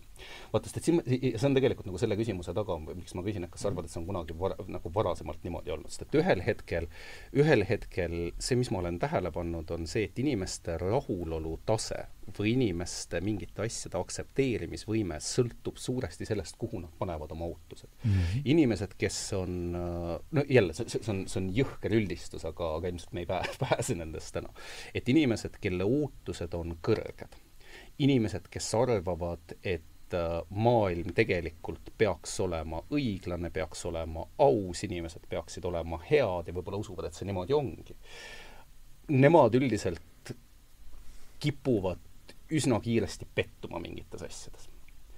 samas inimesed, kes aktsepteerivad, et me olemegi mingis mõttes kõverast, kõverast puust tehtud ja et meil on palju vigu mis mingis mõttes peavad ka kajastuma meie süsteemides, nad leiavad, et nende puudujääkidega on palju lihtsam elada. sellepärast, et nad oma alus, kuidas jah, mingisugune aluseeldusena aktsepteerivadki seda, et et ideaal on kauge ja kättesaamatu. asi on tehtud kadakast. kõveras kadakast. saad sa enam-vähem aru, mis ma, mis ma mõtlen, et kas sa arvad, et see on seotud ka ootustega? lihtsalt selles mõttes, et kui sa kui sa eeldad, et inimene ongi ebatäiuslik, et siis on palju lihtsam aktsepteerida seda, et et halvad asjad jah, juhtuvadki vahest. Mm, see on jah, nagu kas sa oled optimist või pessimist või kas sa oled selline, arvad, et kõik on hästi, ümised nurgas mantraid ja loodad, et maailma sagedus tõuseb ja, ja kõik laheneb iseenesest. aga ega ma tahan tuua nagu ühe näite, mis võib natuke nagu natuke, ma ei, ma ei tea, kas ma, ma loodan, et ma siin saates ei ole seda näidet toonud, et äh, kunagi, kui koolitusäri veel ei olnud Ameerikas, oli üks hästi edukas äh, kindlustuse müüja. no suure firma kõige parem müügimees, no ma ei tea, kui palju kordi ta teistest rohkem müüs ja omanikud ei olnud rumalad, mõtlesid, mis me teeme selle mehega, et mis ta raiskab oma annet, et paneme ta koolitama, las ta õpetab kõik niimoodi müüma ja tüüp oli väga hästi nõus ja, ja õpetas ilmselt ka enam-vähem mõistlikult, noh, tal oli meetod olemas ja kõik, no see ei ole nii nagu tähtis, aga mis tähtis, tähtis on see, et ta lõpetas selle töö ära ja ta lõpetas ära selle töö sellel põhjusel, keegi ei õppinud midagi. ja ta põhjendas, miks inimesed ei õppinud, need teised müügimehed, ta ütles, et äh, ütleme, vaeseks äh, ei, rikkaks saamise ebamugavus on nii palju suurem kui vae, vaeseks olemise mugavus et inimesed ei hakka rikkaks või nad ei taha raha teenida, see on ebamugav. mugav on lihtsalt nagu nii, nagu on, kuidagi. et iga, iga asja muutmine on töö ja väga raske töö, üks, ükskõik, kas sa üritad oma elu, elu, no see oli see, see oli mingis õpikus, mis äh, rääkis, eks ole, kuidas äh, firmades paremini aega planeerida ja noh, see on nagu, kuidas öelda, uue harjumuse omandamine, kõik teavad, noh, kaalu langetamisega on vaja teha kahte asja, eks ole, et liikuda ja vähem süüa, ainult et millegipärast väga paljud inimesed on paksud, eks ole, aga et see ei ole saladus, see ei ole mingi müstiline tarkus, mida keegi ei tea, lihtsalt selle noh, õige asja tegemine on nii keeruline, nii raske, nii valus, noh, sageli füüsiliselt ka valus, ma räägimata kõigest muudest piinadest, et inimestel on raske õiget asja teha mm. -hmm lihtsalt sellest oli juttu meil eelmises vestluses. see muga-, mugavus on ikkagi see, mis väga palju nagu, no mõtlengi, et kas ma olen rääkinud, ilmselt olen. et, et see päris mugav, mitte näitega. jah, et, et ikkagi see mugavus on ka väga sageli, et noh, mugav on ju lihtsalt vaadata ühte telejaama, olla ühes äh, mingis jututoas ja, ja, ja rääkida teistega sama juttu, kes on nagu niisugused, ütleme, tähtsad inimesed ka veel, eks ole. noh, see on, see on, kõik on väga mugav. just mm. -hmm. see kõik on väga mugav, et sellega saab ka palju asju. ja seesama asi et hoidis seda... ka seda ühiskaarti koos, ma arvan, mõnda aega, et oli siis, kui, kui, kui noh, kui tuleb juba, asjad lähevad nii halvasti, et elada ei saa, et võib-olla siis hakatakse mõtlema, et nii kaua on mugav, ega mõttelaiskus on ka nagu mugavuse liik, et see on ju mm -hmm. mugav, mis sa ikka siis pead vaevad ja parem vaatad jalgpalli või mis, ma ei, ma ei tea, mis seal praegu, ma ei, mina enam ei vaata ammu telekat või, või noh, ma vähemalt ei vaata ühtegi programmi, et ma ei, ei tea. Pole ka õrna aimu. aga mingid tulen... ranna, rannamajadest inimesed kirjutavad, ma näen uudiseid selle kohta, et seal midagi toimub, aga mis, ma tõesti ei ole ühtegi osa näinud, et ma ei, ma ei tea. sama siin mis sa tahtsid mõelda? see on ei, ma, ma, ma olen, ma olen täiesti nõus, ma arvan, et, ma arvan, et mugavuse, mugavuse ja harjumuse jõud on ääretult tugev, aga võib-olla ma siis tulen jälle tagasi, noh, ma tegelikult kordan ju sama küsimust üle ja üle, eks, mis on see, et eeldame, et keegi on nõus minema ebamugavustsoonist välja või võtame tead mis, võtame näiteks kas või needsamad näited, võtame sellesama Google'i, sellesama Facebooki ja sellesama YouTube'i.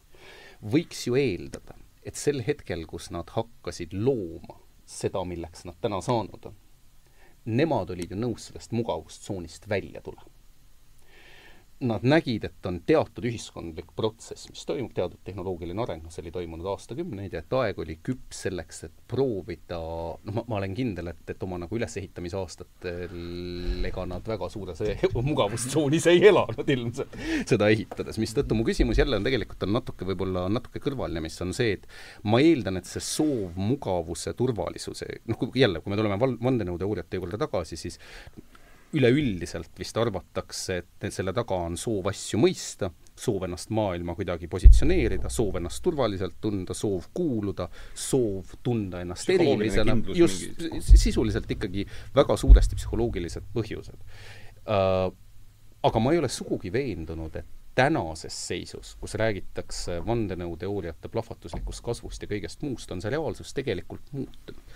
et oletame, et et äh, oletame, et sul on noor mees või naine, kes on, ma ei tea, kakskümmend kaks, kakskümmend kolm aastat vana, on, on lõpetanud ülikooli, alustab elu, tahab jubedalt maailma muuta ja tahab oma mugavustsoonist välja astuda.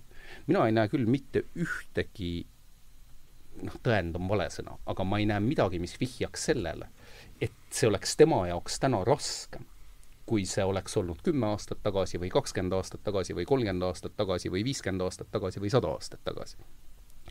et jällegi meie ajalooline kogemus ja see, mis läbi ajaloo on juhtunud, peaks ju meie ootusi kuidagi, kuidagi ankurdama. selles mõttes, et, et väga paljud asjad ei ole sellised, nagu nad näivad. tihtipeale, tihtipeale noh, kui me räägime, kui me räägime kas, kui me räägime poliitikast või majandusest või üldse mingisugusest ühiskondlikust korraldusest, siis tihtipeale ega keegi ju ei näe, kuidas seda vorsti tehakse ja mingis mõttes see on nagu esietendus, eks, et ega, ega, ega sa proovidesse publikut ei kutsu, eks. Uh,.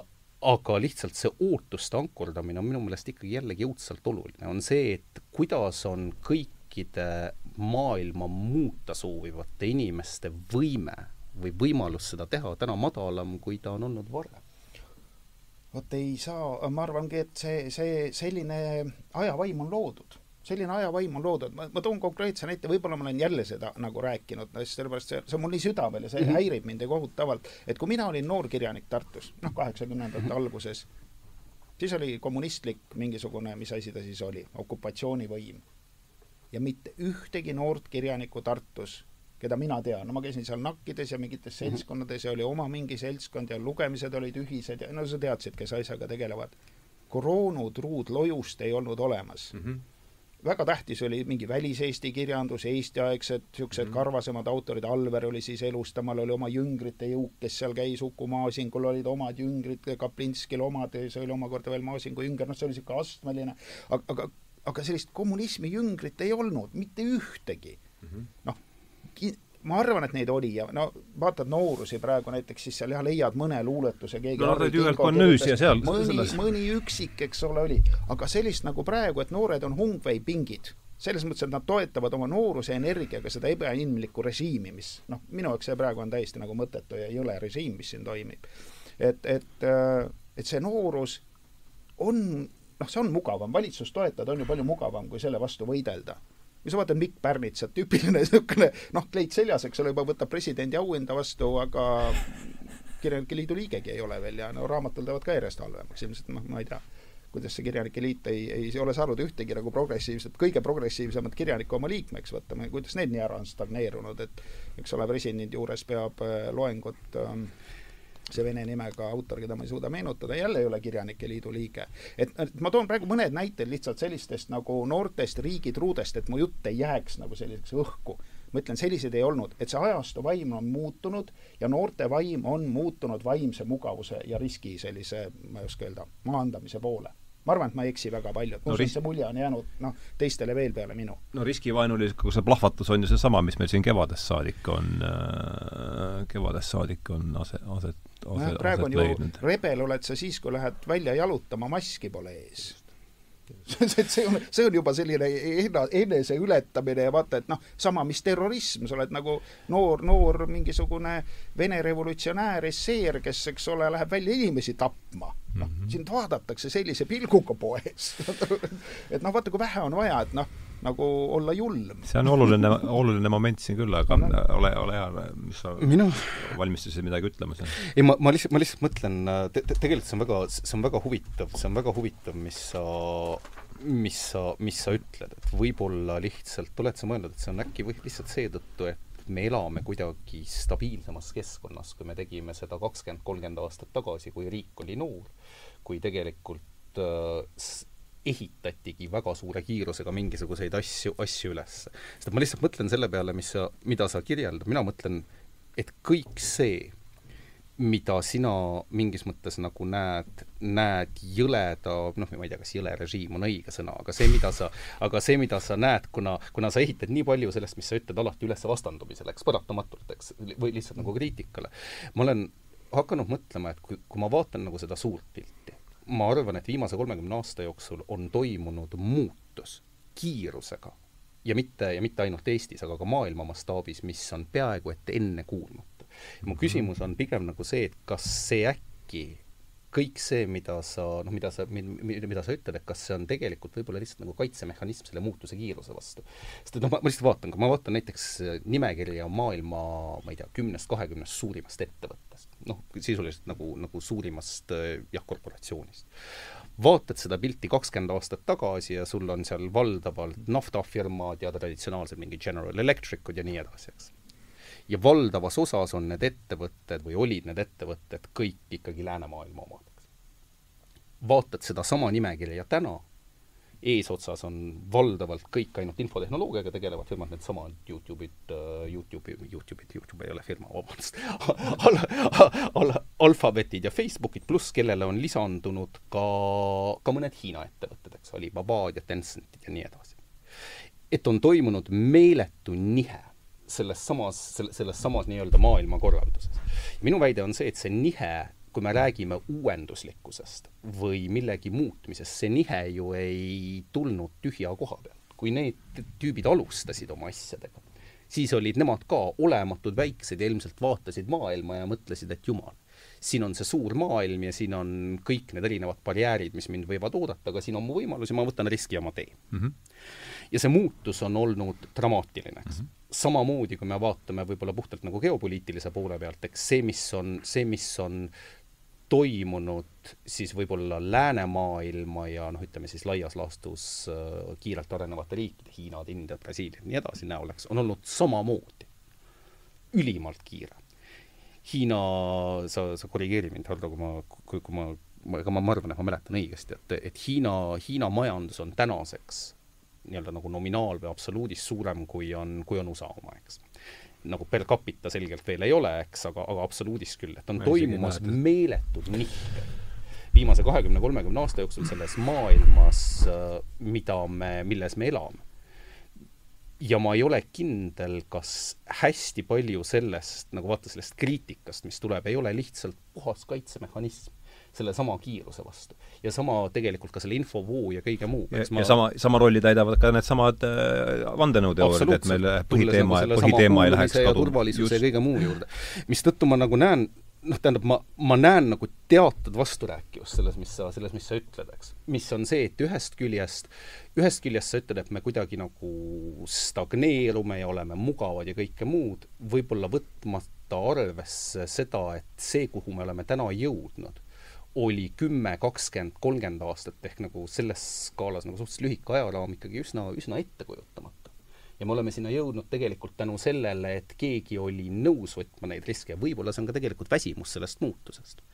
sellepärast et ma arvan kindlasti üks tegureid et ta on, noh, ma lihtsalt püüan aru saada, kas, kas see on kaitsemehhanism või, või, või mitte sest et, sest et lõppkokkuvõttes noh, me, me, meil ei ole isegi mõtet lahterdada asju siin headeks, halb, halbadeks, õigeteks, valedeks, eks fakt on see, et kui sul viiskümmend protsenti USA elanikkonnast usub vandenõuteooriatesse, siis see on lihtsalt, lihtsalt fakt, millega me peame toime tulema ja elama, eks.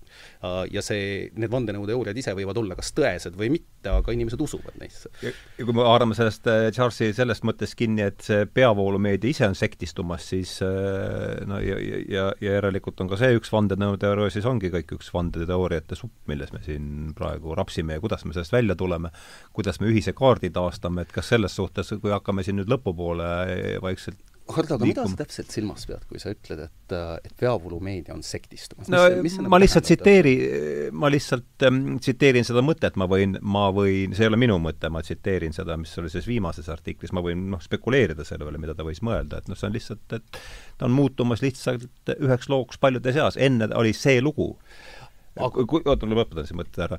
et kui sul on ikkagi, kujutame nüüd ette veel, noh, pole vaja kaugele mõelda oma noorust, oli TV, ETV, ETV, ETV kahtegi polnud, oli Kes televisioon ja ETV. oli Noorte Hääl ja oli Rahva Hääl ja oli siis veel Pudinaid seal no, veel. Põhjarannikul oli Soome televisioon ka. no just see, see murendas seda asja küll, jah. aga, aga see oligi kogu lugu, noh. See oli lugu ja ülejäänud on, oli kõik, noh, no ja arvestades ülejäänud oli kõik vandenõuteooria, aga nüüd on see, nüüd on see lihtsalt muutunud üheks sektiks ja paljude seas ja, ja, ja muutub seda järjest kiiremini, sest kui seda Jordan Halli video võtta, mis mulle väga meeldib, on see, et et kui asi muutub seniilseks, ja ma arvan, et see keskne müüt on muutumas järjest ja see, kes seda müüti tootev aparaat on muutunud järjest seniilsemaks, siis saabub lõpp äh, päris kiiresti. Ja siis me oleme täiesti ilma ühise kaardita ja mind selle järele jäänud poole tunni vältel huvitaks, et kuidas, kus te näete seda ühise kaardi äh, tulekut, et kumb, kumb vastata, tahab haakuda nüüd? ma tahaks vastata selle, selle nagu enesekaitse või selle mhm. ebamugavuse mm -hmm. asjale, et oluline teema. et äh, no üldiselt on niimoodi, ma ei räägi endast, ma endast räägin pärast nagu eraldi ma arvan, et no, ma, ma ei ole saade. nagu, ei, ma ma ei ole nagu ilmselt päris see nagu õige inimene esindama laiu masse, et ma olen äh, kuidagi nagu väärastunud. aga, aga et noh, et ühiskond äh, laia, laias, laias punktis jaguneb nagu kolmeks. kakskümmend protsenti, kes ei saa mitte kunagi hakkama ka üheski ühiskonnas. no lihtsalt, ja siis on kas löö maha või pea üleval või mõtle välja vanglaid või mingisuguseid arvutimänge, ükskõik mida ja siis äh, palju see on, seitsekümmend protsenti on siis need, kes noh, õpivad elus ühe ameti ära ja kui, kui, kui, kui tema elus midagi muutub, et ta enam seda tööd ei saa teha, ütleme näiteks nagu meil siin Nõukogude süsteem varises kokku, oli pioneerijuht või keegi, noh, ongi kõik, jääbki töötuks, tal ei ole enam, no ta ei õpi enam midagi ära ja siis kümme protsenti on mingeid lurjuseid, kes noh, alati vingerdavad kuidagi välja nagu vanad kommunistid, eks ole, jälle slikerdavad endale kuskil midagi, noh, nutikad tüübid on ju, saavad hakkama. et, et see nutikate osa on nagu väike ja, ja no ma ei, ma kujutan ette, mis, mis see, mis see muutus nüüd lihtsa inimese elus, noh, ütleme selle seitsmekümne, no ütleme kahekümnest ärme räägi, nemad, need on alati halb, no pange mind siis sinna kahekümne otsa ja, ja kõik on selge, rohkem pole vaja nagu enam no, midagi rääkida. vandenõuteoreetik kahekümne protsendi hulgas, noh, mis me ta juttu kuulame. aga, aga räägime sellest seitsmekümnest protsendist, et kas selle seitsmekümnel protsendil on nagu midagi, kas ta kaotab midagi või, või, või mis tema nagu oht on, et äh, noh, kas tal on, võib, võib-olla tal pigistatakse rohkem tööl nagu higi välja. no aeg ju läheb järjest sinnapoole, et inimesi ekspluateeritakse paremini. eneseabiõpikud vahepeal, ma ei, ma ei ole enam vaadanud, aga vanasti jagunesid nad kahte tüüpi, kuidas olla parem ori ja kuidas olla parem orjapidaja.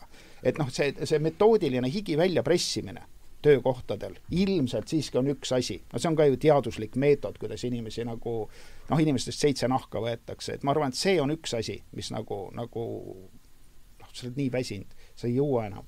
noh, tööpäev on läbi ja sa kukud kohe pikali, et noh, see, see on ilmselt nagu halb olukord, pealegi noh, see ebakindlus, eks ole, kuna pole ju teada, kas su töökoht nagu säilib, noh, robotid tulevad, eks ole, no sinu tööd võib-olla ei ole enam vaja. robotid ja pisikud, pisikud ka no, veel. ja igasugused asjad, no ja, ja see, ja see haiguse asi veel, eks ole, mis mm -hmm. noh, mhm. vanad inimesed surevad täpselt sama palju, kui need eelmisel aastal suri või natuke vähem, aga aga noored inimesed kardavad vanadussurma no,, on hakanud kartma kahekümneaastased vanadussurma, noh faktiliselt on see vanadussurm. et aga kes selle vanadussurma luulu on inimestele pähe pannud? seesama sektimeedia. no mhm. mina arvan küll, et see sektistumine, minul ei ole vaja isegi nagu seletada seda, ma saan aru, mida see tähendab, see tähendab seda, et kui mingit teemat arutatakse, arutavad ainult ühe sekti liikmed uh -huh. seda, paremal juhul on kaheksa kõrvale võetud üks teise sekti tüüp ja seda koos pekstakse ja karjutakse tõesti üle. et noh -hmm., nii see on ja, ja no ma ütlen, no ma ei tea, võt-, võtke ükskõik milline vandenõuteooria, suur lähtestamine või uus maailmakord, noh neid või, võib, võib guugeldada, ma ei viitsi hakata isegi seletama, aga ütleme, see, see, mis praegu toimub selle vanadussurma haipimisega, noh, miks see on hea, sellepärast et noh, loodus, igaüks, kes on muru niitnud, teab, loodusega ei juhtu midagi. muruniitja läheb katki, sina väsid ära, muru kasvab kogu aeg, see on loodus, on selle asja nimi. sellega ei juhtu mitte kunagi mitte midagi, inimesed võivad kõik maha surra, muru kasvab ikka edasi. isegi kui tuumapommidega nagu pilbasteks lasta, mingid tarrakanid panevad ikka ja mingi aja pärast on jälle kõik samasugune. loodusega on see, et loodus on väga elujõuline, siiski. ta elab maa all vee sügavuses, kümne kilomeetri sügavuses vulkaani peal kasvab mingi toru. Mismoodi? aega läheb natuke kauem pärast no, suuremat kärakat, aga aeg ei ole probleem, aeg ei ole, meil on aeg probleem, loodusel ei ole aja probleemi. Mm. -hmm, meil on, me oleme surelikud ja, ja no see on mingi liik, mis kestab või kaob, tuleb, muutub teisteks liikideks. et, et see on aja küsimus, meil on aja probleem, kõik et, et, et see lood-, ma lihtsalt tahtsin öelda, et see Gretake, see jutt loodusest ilmselt ei, ei nagu mõjunud inimestele nii hästi, aga see vanadussurma jutt nagu mõjub. seda räägitakse palju, kui tulevad surmauudised hommikul, iga hommikul tõmmatakse surmasaak käima, enam ei öelda, kui vanad need inimesed on. seda ei öelda, sa pead minema Terviseameti koduleheküljele, et näha, et on kaheksakümne viie aastased. noh mm -hmm., osa on nooremad, osa on vanemad, aga, aga kuidas see, ma ei mäleta peast Ameerika statistikat, aga üldiselt oli nii, et kui keskmine eluiga on kaheksakümmend kaks pool aastat, siis keskmine katkusurm on kaheksakümmend kaks aastat, seal ei ole väga suurt vahet. ja võib-olla seal on veel autoõnnetuse ohvrid ka hulgas, mis tõmbavad siis natuke seda asja alla. et, et see ikkagi see, see ebaterve õhkkond, mida luuakse, et inimesed on millegipärast, nad usuvad seda meediat mitte kõik, aga ütleme, võib-olla kuskil pooled, ma arvan, usuvad. no see on selle pära-, pärand, et, et kakskümmend aastat tagasi oli ainult kaks kanalit, kui no. Peale. ja, ja kui sul on kodus näiteks üks inimene, kes on täielikus paanikas, no sellepärast, mida ta vanadussurma kohta lehest nagu loeb, või, või raadiost iga päev kuuleb, see tekitab ebaterve õhkkonna niikuinii, isegi kui sa ise, ise, no, ise pane, pane talle numbrid ette, mitte midagi ei aita. palju inimesi aastas suri see aasta no nüüd on surnud nende kuude jooksul, eelmine aasta, võrdleme neid andmeid, kümne aasta tabelid on siin. mitte midagi ei aita, see nõiatrumm, noh, no inimene on sekti liige, eks ole, no midagi ei ole olemuslikult, jah. jah, jah ja. siin ma olen tegelikult, noh jälle, võib-olla ma alustan asjadega, millega ma olen nõus ja siis liigun asjade juurde, millega ma ei ole. ma, ma, ma arvan, et see paralleel, mis sa tood selle vahel, kuidas, kuidas tihtipeale on niimoodi, et sul on, et sul on viiendik või veerand ühiskonnast, kes on paratamatult rahulolematud kogu aeg. ma arvan, et ja, ja samas sul on üleval otsas on mhm. kümme, kümme, viisteist protsenti, kes on suhteliselt rahulolevad, ma arvan, et see on, et see tegelikult peab su suuresti paika ja kui sa nüüd paned ennast, kui sa nüüd paned ennast, ma ei tea, poliittehnoloogi konteksti, siis siis mis sa proovid teha, sa proovid võimalikult palju sellest vahepealsest protsendist suunata enda poole, sest et lõpuks, sest et lõpuks on tihtipeale niimoodi, et sul on ainult, sul on ainult paar protsenti elanikkonnast, kes, kes suuresti mõjutavad seda, mis, mis valimistel toimub, sellepärast et ühed on niikuinii ühel pool, teised on niikuinii teisel pool, et nende pärast ei tasu nagu väga selle koha pealt muretseda ja siis sa mängid nagu selle, selle ruumiga seal keskel. see, mis sa ütled, see, mis sa ütled töökoormuse kohta ja eelkõige selle hirmu ja ebakindluse kohta, sellega ma olen täiesti nõus. ma arvan, et see siin on midagi, mis on, mis natuke haakub äh, selle globalismi ja, ja lokalismi vahel Hardo, millest sina nii palju oled rääkinud, mis on see, et tihtipeale inimeste elus tänapäeval toimuvad asjad, mis neid otseselt mõjutavad, mille üle neil enam ei ole otseselt mingit kontrolli. me oleme väga-väga kaugel mitte ainult oma, oma savannist ja oma suguharust seal, aga ka oma külakeskkonnast, oma väikelinnast ja tihtipeale ka isegi oma, oma riigi kohustusest. selge on see, et inimestes tekitab seesama ebakindlus hästi-hästi suurt hirmu, mingis mõttes ka abituse tunnet, eks. mis on see, et, et et lõpuks sul kusagil juhtub midagi teises maailma otsas, mis ühte või teistpidi haakub või mõjutab väga otseselt sinu elu ja siis tekib väga, väga noh, tekib tegelikult küsimus, et mis kontroll mul siis enda elu üle tegelikult üldse on. või, või milliste mä-, jõudude mängukann ma täpselt olen. Just. ja see tekitab kohe selle vajaduse, kui nüüd ikkagi telekajutt päris veenev ei tundu enam, siis just. tekib, eks ja, ole midagi tuleb ju asjadest aru saada. ja seal ma arvan, et, seal ma arvan, et te võib-olla nagu tabate väga olulist punkti selle vahel, mis on tajutav reaalsus ja kommunikeeritav reaalsus mm. -hmm. ja kui kommunikeeritav ja tajutav reaalsus enam inimeste silmis omavahel kokku ei lähe, siis on vaja uut lugu. siis on vaja, siis on vaja uut lugu ja tihtipeale on vaja lihtsat lugu mm. -hmm aga see, kus te mu täiesti segadusse ajate mm, -hmm. on kõik see, mis puudutab seda, seda juttu peavoolu meediast ja sektistumisest ja zeitgeistist, sellepärast mm -hmm. minu meelest see, mis te räägi räägite oma segadusest, siis me saame paremini aru. minu meelest see, mis te räägite, on täiesti vasturääkiv mm. -hmm ühest küljest kaks inimest räägivad, on täiesti võimalik, et me räägime üksteisele vastu, et me ei ole siin, me ei ole nõus, tiimina nõus, siin aga siis ma, aga siis ma viskagi küsimuse et ühest küljest te räägite peavoolumeedia domineerivast diskursusest mm, -hmm. te räägite selle tugevusest, selle mõjust inimestele, selle noh, kõigest sellest, mis selle nagu kontsentratsiooniga kaasneb mm. -hmm. teisest küljest te nagu sama lause teise otsana väidate, et peavoolumeediast on saamas üks sekt paljude mm -hmm. seas, mis nagu viitab sellele, et toimub tegelikult avaliku arvamuse, meedia, informatsiooniliikluse, selle kõige demokratiseerumine mingis mm -hmm. mõttes. ehk kas te ei näe nende kahe vahel teatud vasturääkivust? ühest küljest, ühest küljest me räägime millegi jõust ja tugevusest mm -hmm. ja dominantsusest ja teisest küljest me räägime sellesama dominantsuse nõrgenemisest ja mina näen seal teatavat vastuolu. jaa, ei, aga ma, ma jällegi ei näe, et tuleme tagasi selle juurde, võtame tuhat üheksasada kaheksakümmend, meil on kaks kanali, jätame, elan Tõrvas näiteks, ma näen kahte kanalit. Kes-Televisiooni ja ETV-d, eks, ja nüüd on see lihtsalt, ja see on kogu pilt, see, mis sealt tuleb, loen Rahva Häält peale, ja see, see on kõik, mu maailm seletatakse sealt ära, mina vaatan selle ära, õpin, õpin jutu pähe ja räägin teistele edasi ja me saame, okei okay,, et see ei pu-, reaalsusega võib-olla ei klapi ja me saame vähemasti ühtemoodi asjast aru, aga nüüd on see järjest ju ajas vähenenud mm. -hmm. aga tulenevalt sellest, kus alustati, tähendab ikka, algpunktist tulenevalt tähendab see ikkagi seda, et peavoolumeedia on, sealt tuleneb tema jõud, aga see ajas lihtsalt järjest väheneb, et ma vaatan, kui sa vaatad seda dünaamilise protsessina, siis ju ma ei näe siin mingit vastuolu, kas see oli vähemalt, oli see vähemasti vastus? see, see, see, see ma arvan, on, ma arvan, et sa kirjeldad noh, enam-vähem täpselt seda, seda, mille poole ma isegi kaldun, mis on see, et ma, ma ei, ma ei arva, et see dominantne diskursus on sugugi nii dominantne, nagu ta, nagu ta mingis mõttes tundub olevat sellepärast et ta nõrgeneb ajas ja noh, see on no seda, seda ma peangi selle sekti, et ta muutub lihtsalt just, üheks just, sektiks paljude seas. just, aga see, selge, aga see oligi minu jaoks nagu see oli see, kus see vastuolu oli, oli see, et ühest küljest nagu räägitakse väga tugevalt mingisuguse teatud dominantse diskursuse tugevusest ja teisest küljest räägitakse, kuidas ta mingis mõttes on kahanemas lihtsalt üheks hõimukesteks teiste seaseks, mis on, mis seda ma pidasingi silmas. noh, täitsa sellest ma saan, sellest aga see, aga ma arvan, et see üks asi toob teise kaasa, et kui ta on nii üksluine,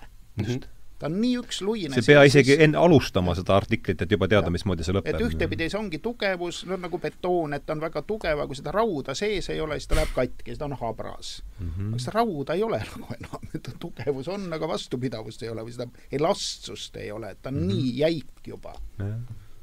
ta on lihtsalt see... igav no,. tead, ma arvan, just. ma ütlen, ta on solvav, ta on lihtsalt solvavalt rumal juba. see on, see no selleks on põhjus, miks ta on igav, noh aga seal võib-olla ma arvan, et see igavus on, see igavuse point on, noh, me oleme valemite juures tagasi, eks ähm,. et ta on äh, võib-olla noh, tihti, tihtipeale, eks mina, mina toon paralleeli alati Economistiga, eks, mis on see, et et nagu sa ütled äh,, teda on huvitav lugeda, sest ta räägib tihtipeale kohtadest, millega sa, millega sa muidu kokku ei puuduta no,. heas keeles vähemasti. just, ja kusagil noh, tõesti, mis toimub kusagil Lõuna-Ameerikas või mis toimub kusagil Sise-Aasias või nii edasi ja see on tegelikult huvitav. küll aga tavaliselt pealkirjade järgi ei ole väga raske aru saada või juba ette aru saada, mis selle loo järeldus võiks olla, et see on ilmselt, see on ilmselt tõsi. aga siis siit võib-olla ka kohe tuleb see teine küsimus, mis on see, et kas tegelikult kui suur roll on, on vandenõuteooriates ja mingites alternatiivsete infokanalite puhul on lihtsalt igavuse vältimine, meelelahutus?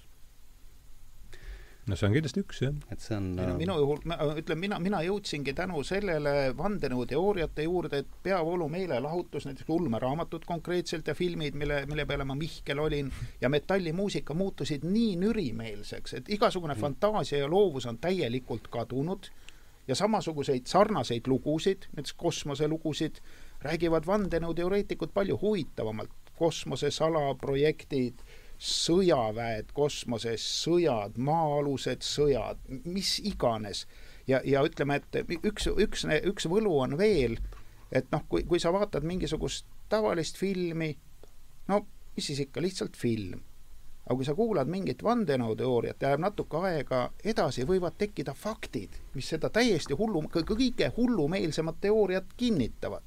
noh, mis, mis on viimase aja nagu toredad, toredad, no mõni üksik fakt, et liiga palju ei ole mõtet nagu rääkida, kas on eilne uudis, ma ei tea, see ajavahe on niisugune, et ilmselt eilne uudis. on üks selline firma, ma ei tea, kas, kas te kuulsite SolarWindi uudist? no selline globaalne mingisugune firma, mis tegeleb failitranspordiga mm. -hmm. selle uude versiooni, mis kuskil märtsis välja tuli, on tagauks sisse ehitatud. selle tagaukse tulemus on see, et eile pani Pentagon kinni oma selle kõige salajasema võrgu, shutdown, täielik mm.. nii. kes, eh, kaheksateist tuhat firmat on selle tagauksega nagu soft'i nagu endale saanud, sealhulgas seesama äh, häältemasinate oma, kes nüüd kiiresti võttis oma koduleheküljelt maha selle logo, selle, nii. CIA, NSA, kogu keskvalitsus, suure, noh, föderaalvalitsus, suurem osa osariike, kuidas see rahakoda neil seal on, see, no post, mis iganes Ameerika nagu ettevõtted, Homeline Security, kõik, kõik, kõik on täis seda ja see ei saa juhtuda mingisugusest ajavaimust. seal on keegi, kes on seda teinud. kaheksateist tuhat firmat, praktiliselt kõik, igasugused riigiagentuurid, luured, sõjaväed, mida sa üldse oskad, NASA ka sealhulgas, mida sa häälte luged, kõik, kõik on nagu infiltreeritud. kõigi info on välja tilkunud kes tegi, no kas venelased või no alati on venelased muidugi, noh, see superriik, kes kõik kurja teeb, aga noh, sa ei tea, aga see on, see on uudis, see on praegu olemas ja see on mm -hmm. fakt, see ei ole nagu mingi luul.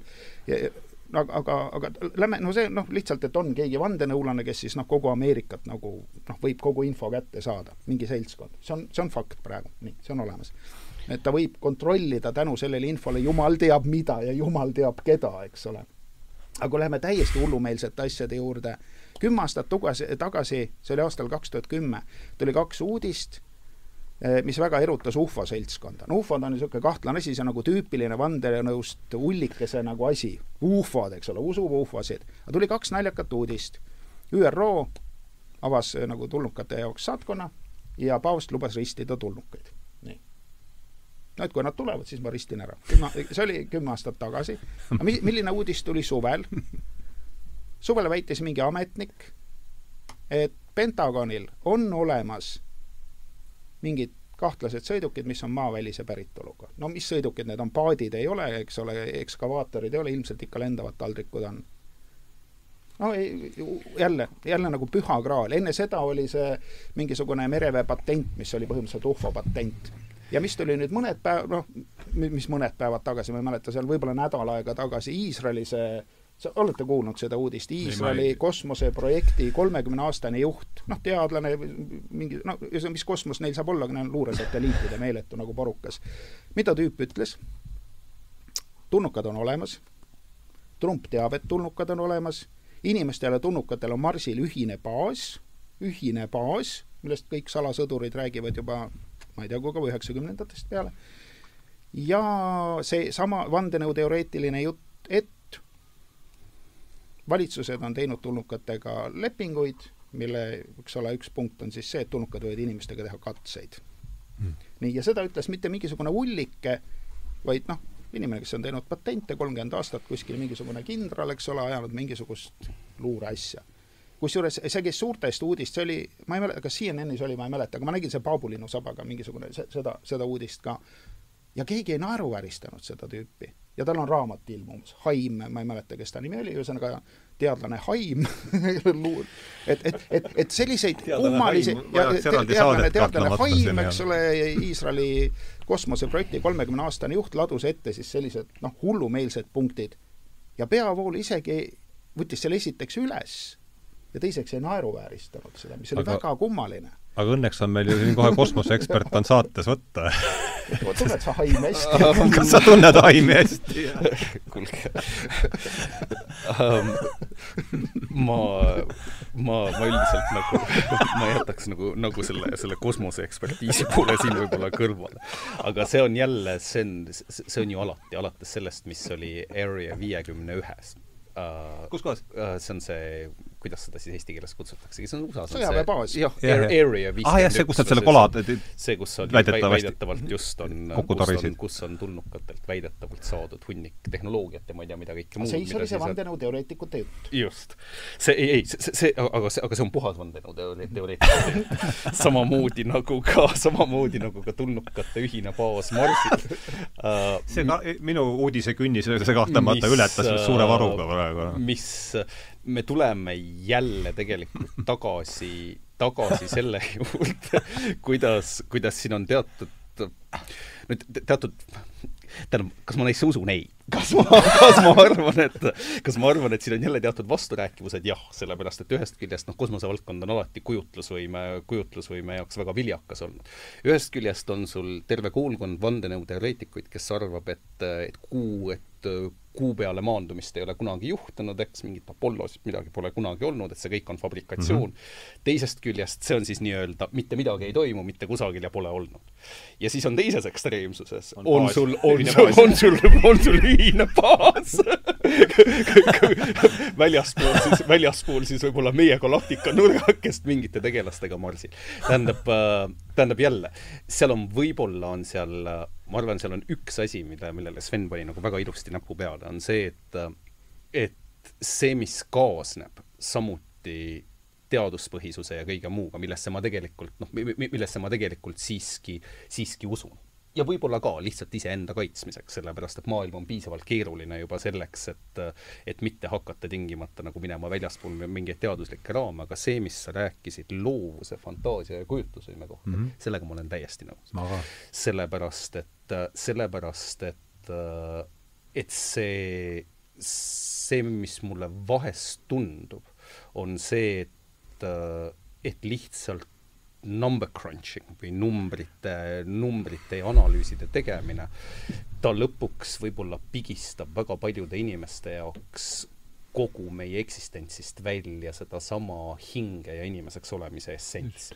aga see on puha, puhtalt jälle tundeline. see mm -hmm. kuidagi ei pane kahtluse alla ei ühte ega teist poolt. aga asi on lõpuks lihtsalt nagu, nagu usutavuses mm. -hmm. selles mõttes, et kui me vaatame, kui me vaatame valitsuste võimekust täna, siis võib-olla mingi koha pealt, eks loomulikult me oleme kõik internetiseerunud, andmeid on palju ja kõike muud. teisest küljest, teisest küljest on on ikkagi, kui me vaatame kas või eraettevõtteid, kes, kes panevad oma satelliite kosmosesse ja kõike muud, et kahtlemata on vahva, kui, kui, kui Marsil on meil ühine baas kellegiga, aga aga see, kuidas sinna baasi asju toimetatakse maa pealt, jääb minu jaoks täielikuks müsteeriumiks, sellepärast et ma ei näe väga hästi, kuidas seda on võimalik, äh, kuidas seda on võimalik mitte näha. sinu vahi, vahikorra aega ei läinud ühtegi sõidukit sinna oh,, ma saan aru?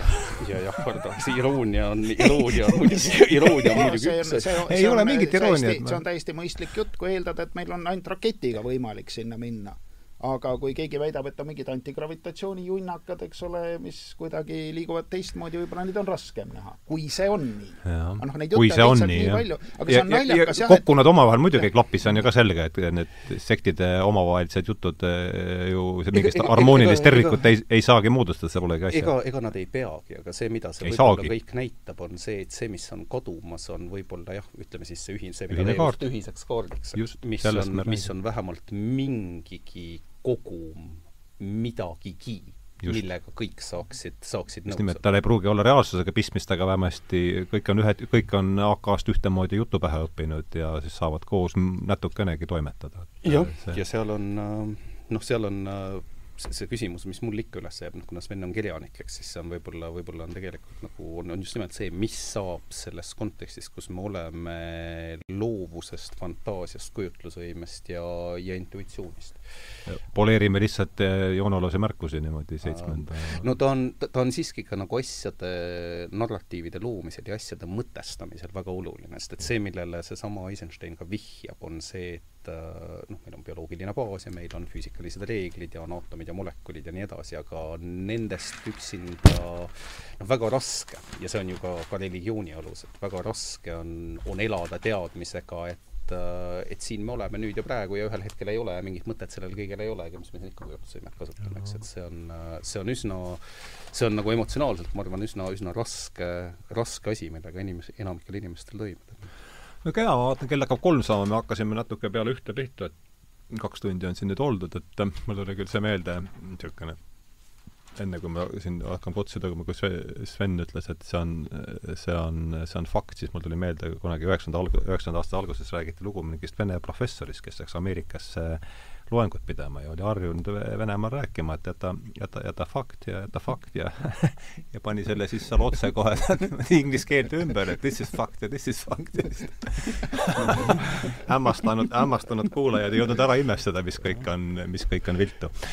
Et, ähm, et saime siis kokku täna siin kolmekesi, äh, Andreas Veisbak ja, ja, ja Kivisildnik, et äh, rääkisime vandenõuteooriatest ja et asi ei läheks liiga laiali ja võib-olla ta läks ja võib-olla läinud, seda oskavad kuulajad hinnata.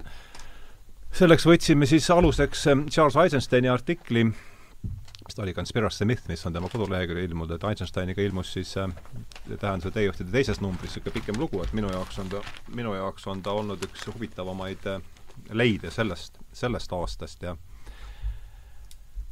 ja, ja, ja ma ei teagi, et kas siis võtame, võtame paari sõnaga kui sina, Sven, peaksid nüüd selle tänase vestluse lausesse kahte kokku võtma, mis sul meelde jäi?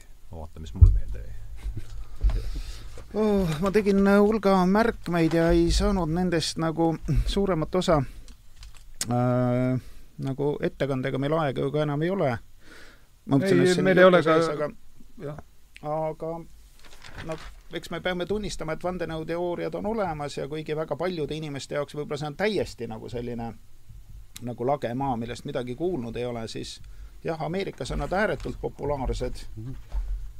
ja, ja tundub, et noh, eks see meelelahutus on neid ka olnud, kui võtta salatoimikud, siis ega see praegu väga palju mingist Ameerika peavoolu üksikutest ulmeuudistest ju ka ei erine. et, et pind on ju ka ette soojendatud et sellist, selliseid filme nagu Manchuuria kandidaat ja millest on mm -hmm. kaks versiooni tehtud ja selliseid noh, nagu paranoilise no,, jaa, kuuekümnendatel ja nüüd kaunis, kaunis äsja oli ka veel.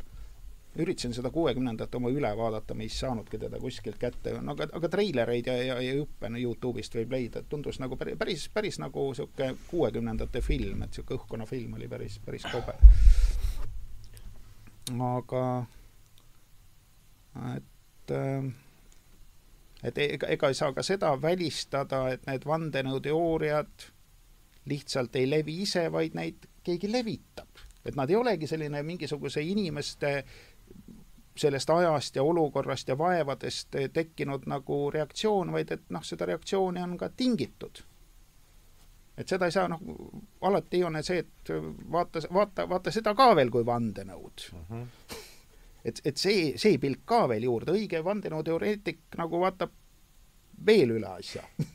Kas, kas seal, kas selle taga on alati need tõlgendused on minu arust kõige huvitavamad, et kui mingi fakt võetakse, eriti kui näiteks noh, ufo inimesed saavad jälle mingi fakti kätte, et noh, keegi on nüüd tõesti ametnik on seda öelnud, noh, ta ei ole küll lendavaid taldrikuid näidanud, aga tõesti on nagu tõsine inimene ja tõsises väljaandes noh, mingit juttu ajab, et äh, miks seda juttu räägitakse üldse miks nad seda teevad, et kas nad nüüd tõesti ongi tulnukatega mingid, mingid sebimised käigus ja on vaja vaikselt seda nagu inimestele, no et muidu lähevad lolliks, kui selline uus ja hirmus asi tuleb nagu tulnukad, kes on võib-olla tehniliselt väga üle ja võib-olla koledad ka veel ja ja, ja võivad sinuga kõike teha noh, telepaatiliselt või kuidagi teistmoodi, et noh, et, et, et sellega vaikselt harjutada, et mingisugused muutused on tulemas. no kes seda teab?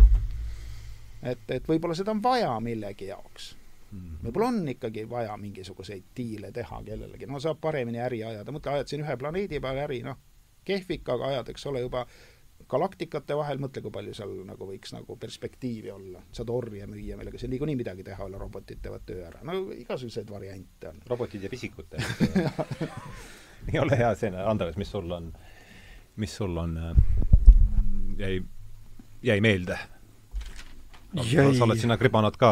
ma olen nagu päris, päris palju jah, päris palju jah kribanud, et mina ikkagi pigem võib-olla jääksin, ma ei taha nüüd öelda peavoolu, aga vähemalt mingigi nagu ikkagi, ikkagi teadusliku ja tõendusliku raamistiku juurde.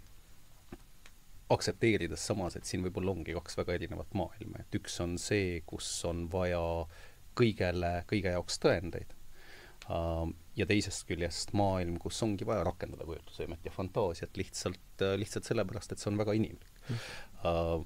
ma arvan, et äh, ma enamike vandenõuteooriatesse kindlasti ei usu. Kindlasti, kindlasti ka mitte siin interplanetaarsete äride ja millegi muuga seoses, aga Bridge too far. küll, küll aga, küll aga ma arvan, et et, et lõpuks äh, inimesed usuvad vandenõuteooriatesse ja väga-väga suur hulk inimesi usub neile ja selleks on põhjus. ja see põhjus ilmselt jällegi, see on, äh, on, on meie enda, on meie enda psühholoogias. Aga eelkõige, aga eelkõige noh, võib-olla nagu mingisugune analüütiline võime võiks olla, olla endal, koos võib-olla ka mingi teatud nagu alandlikkusega, mis on see, et võib-olla tuleb aktsepteerida seda, et mingitest asjadest me ei, ei saagi aru ja ei saa ka, ja ei saa ka, ka aru lähitulevikus. ja selle teadmatusega elamine on, on, on kahtlemata raske, eks. aga, aga see, see annab väga-väga viljaka pinnase, pinnase kujutlusvõimele ja, ja, ja, ja kõigele muule mistõttu ma arvan, et siin minu jaoks need kaks punkti ongi see, et, äh, et kindlasti, kindlasti isiklikus plaanis äh, ma vandenõuteooriaid eriti ei usu, ma pigem nagu ikkagi, ikkagi eelistaksin suhteliselt teaduspõhist lähenemist. Äh, ja võib-olla ka, ka tegelikult seda, et vandenõuteooriate taga on hunnik psühholoogilisi põhjusi, mis on inimese, inimese enda kesksed, aga ma arvan, et neid on nii palju käsitletud tegelikult kirjandustes ja erinevates saadetes, neist võib-olla siin ei ole mõtet rääkida aga teine pool ja see on see, mis on eriti sümpaatne selle artikli puhul, on selle artikli kokkuvõte. sa räägid Eisensteinist? Eisensteinist, jah. mis on, mis on see, et lõppkokkuvõttes, lõppkokkuvõttes pretendeerida mingisugusele ülimale tõele või kõiketeadmisele ei ole, ei ole väga kasulik, väga kasulik meile kõigile ja isegi kui ma, kui ma ise kaldun pigem mitte uskuma enamikke vandenõuteooriatest, siis, siis päris kindlasti on üks huvitav rääkida inimestega, kes, kes neisse usuvad, aru saada, miks nad niimoodi teevad ja see protsess võiks minu meelest olla ka vastupidine. ma arvan, et see, mis me siin tänase vestluse käigus nagu selgelt näeme, on see, et on ju täiesti, täiesti nagu reaalne on pidada selliseid, selliseid arutelusid, ilma et peaks, üks peaks istuma ühes nurgas, teine teises nurgas ja siis luubime teist, teineteist üle ruumi kividega, eks mm, -hmm. et et see on lihtsalt võib-olla nagu lugupidamise ja lugupidamise ja lihtsalt teineteise ärakuulamise asi. ja see on, seda on võib-olla praegusel hetkel meil rohkem vaja kui, kui midagi muud. absoluutselt, ma olen täiesti nõus. jah, ja noh, ma, minule, mina panin kirja siin see viimane mis Sven pillas siin selles, et igal hommikul tõmmatakse surmasaak käima, et see jäi mulle kuidagi kõrva, et ja siis mulle meenus, et miks mina lõpetasin raadio kuulamise ära juba, ma ei tea, kakskümmend aastat tagasi ja mis mulle lõplikult käis, oli ka ajudele, käis ajudele see, et hommikul aga olid need liiklusuudised.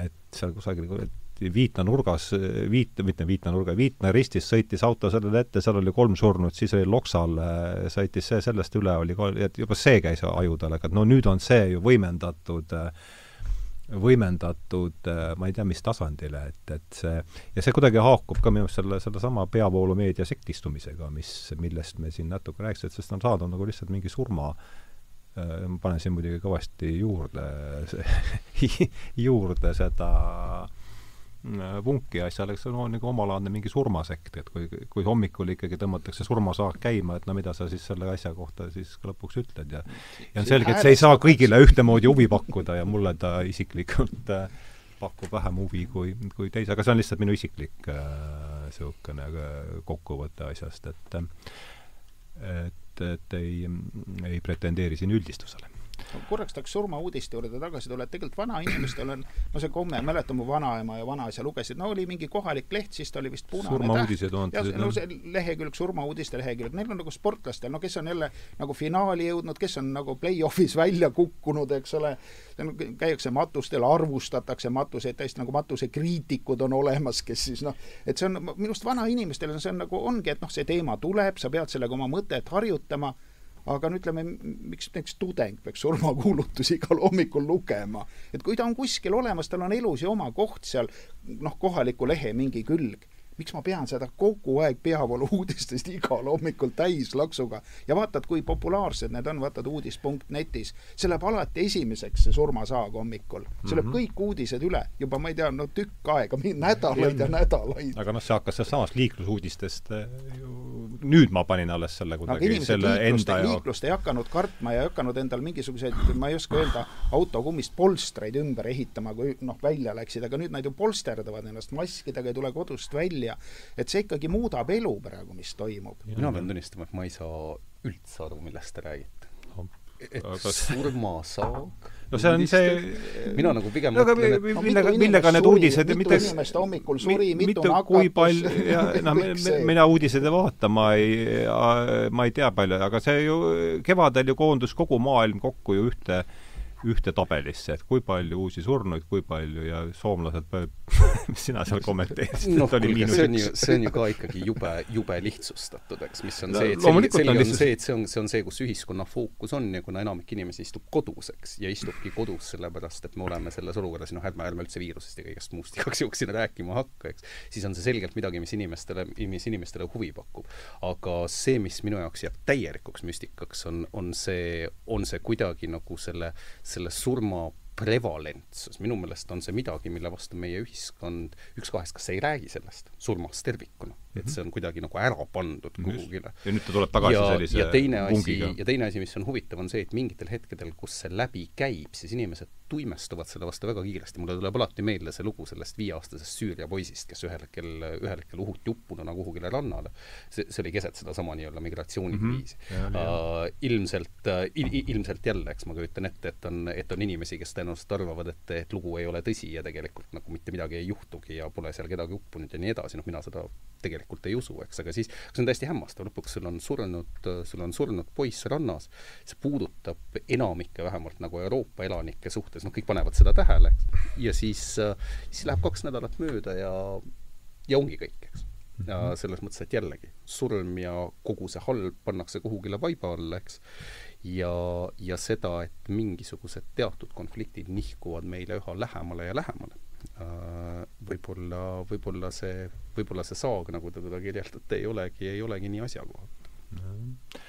väga selge, siin äh, saa-, saendusse ei jõua enam minna, et tõmbame siin joone alla, et äh, kahe tunni peal tundub olevat nii enda kui kuulajate niisugune piir praegu, et aitäh tulemast, et äh, Andreas ja, ja Sven, et äh, rääkisime siis täna vandenõuteooriat, sisse, sissejuhatus vandenõuteooriatesse oli tänane tänase jutuajamise teema, et tänan teid kuulamast ja ja sellega on neljandal hooajal ka joon all, et et see oli saja neljas saade, nüüd homme-ülehomme paneme välja ka saja viienda saate, mille me salvestasime Tartus ja, ja siis tõenäoliselt jaanuaris on vähe rahulikum, et muid asju teha, et et veebruaris, kui puhvet veel püsti püsib selleks ajaks, et siis, siis jätkame, jätkame uute vestlustega et aitäh ja, ja järgmiste kohtumisteni!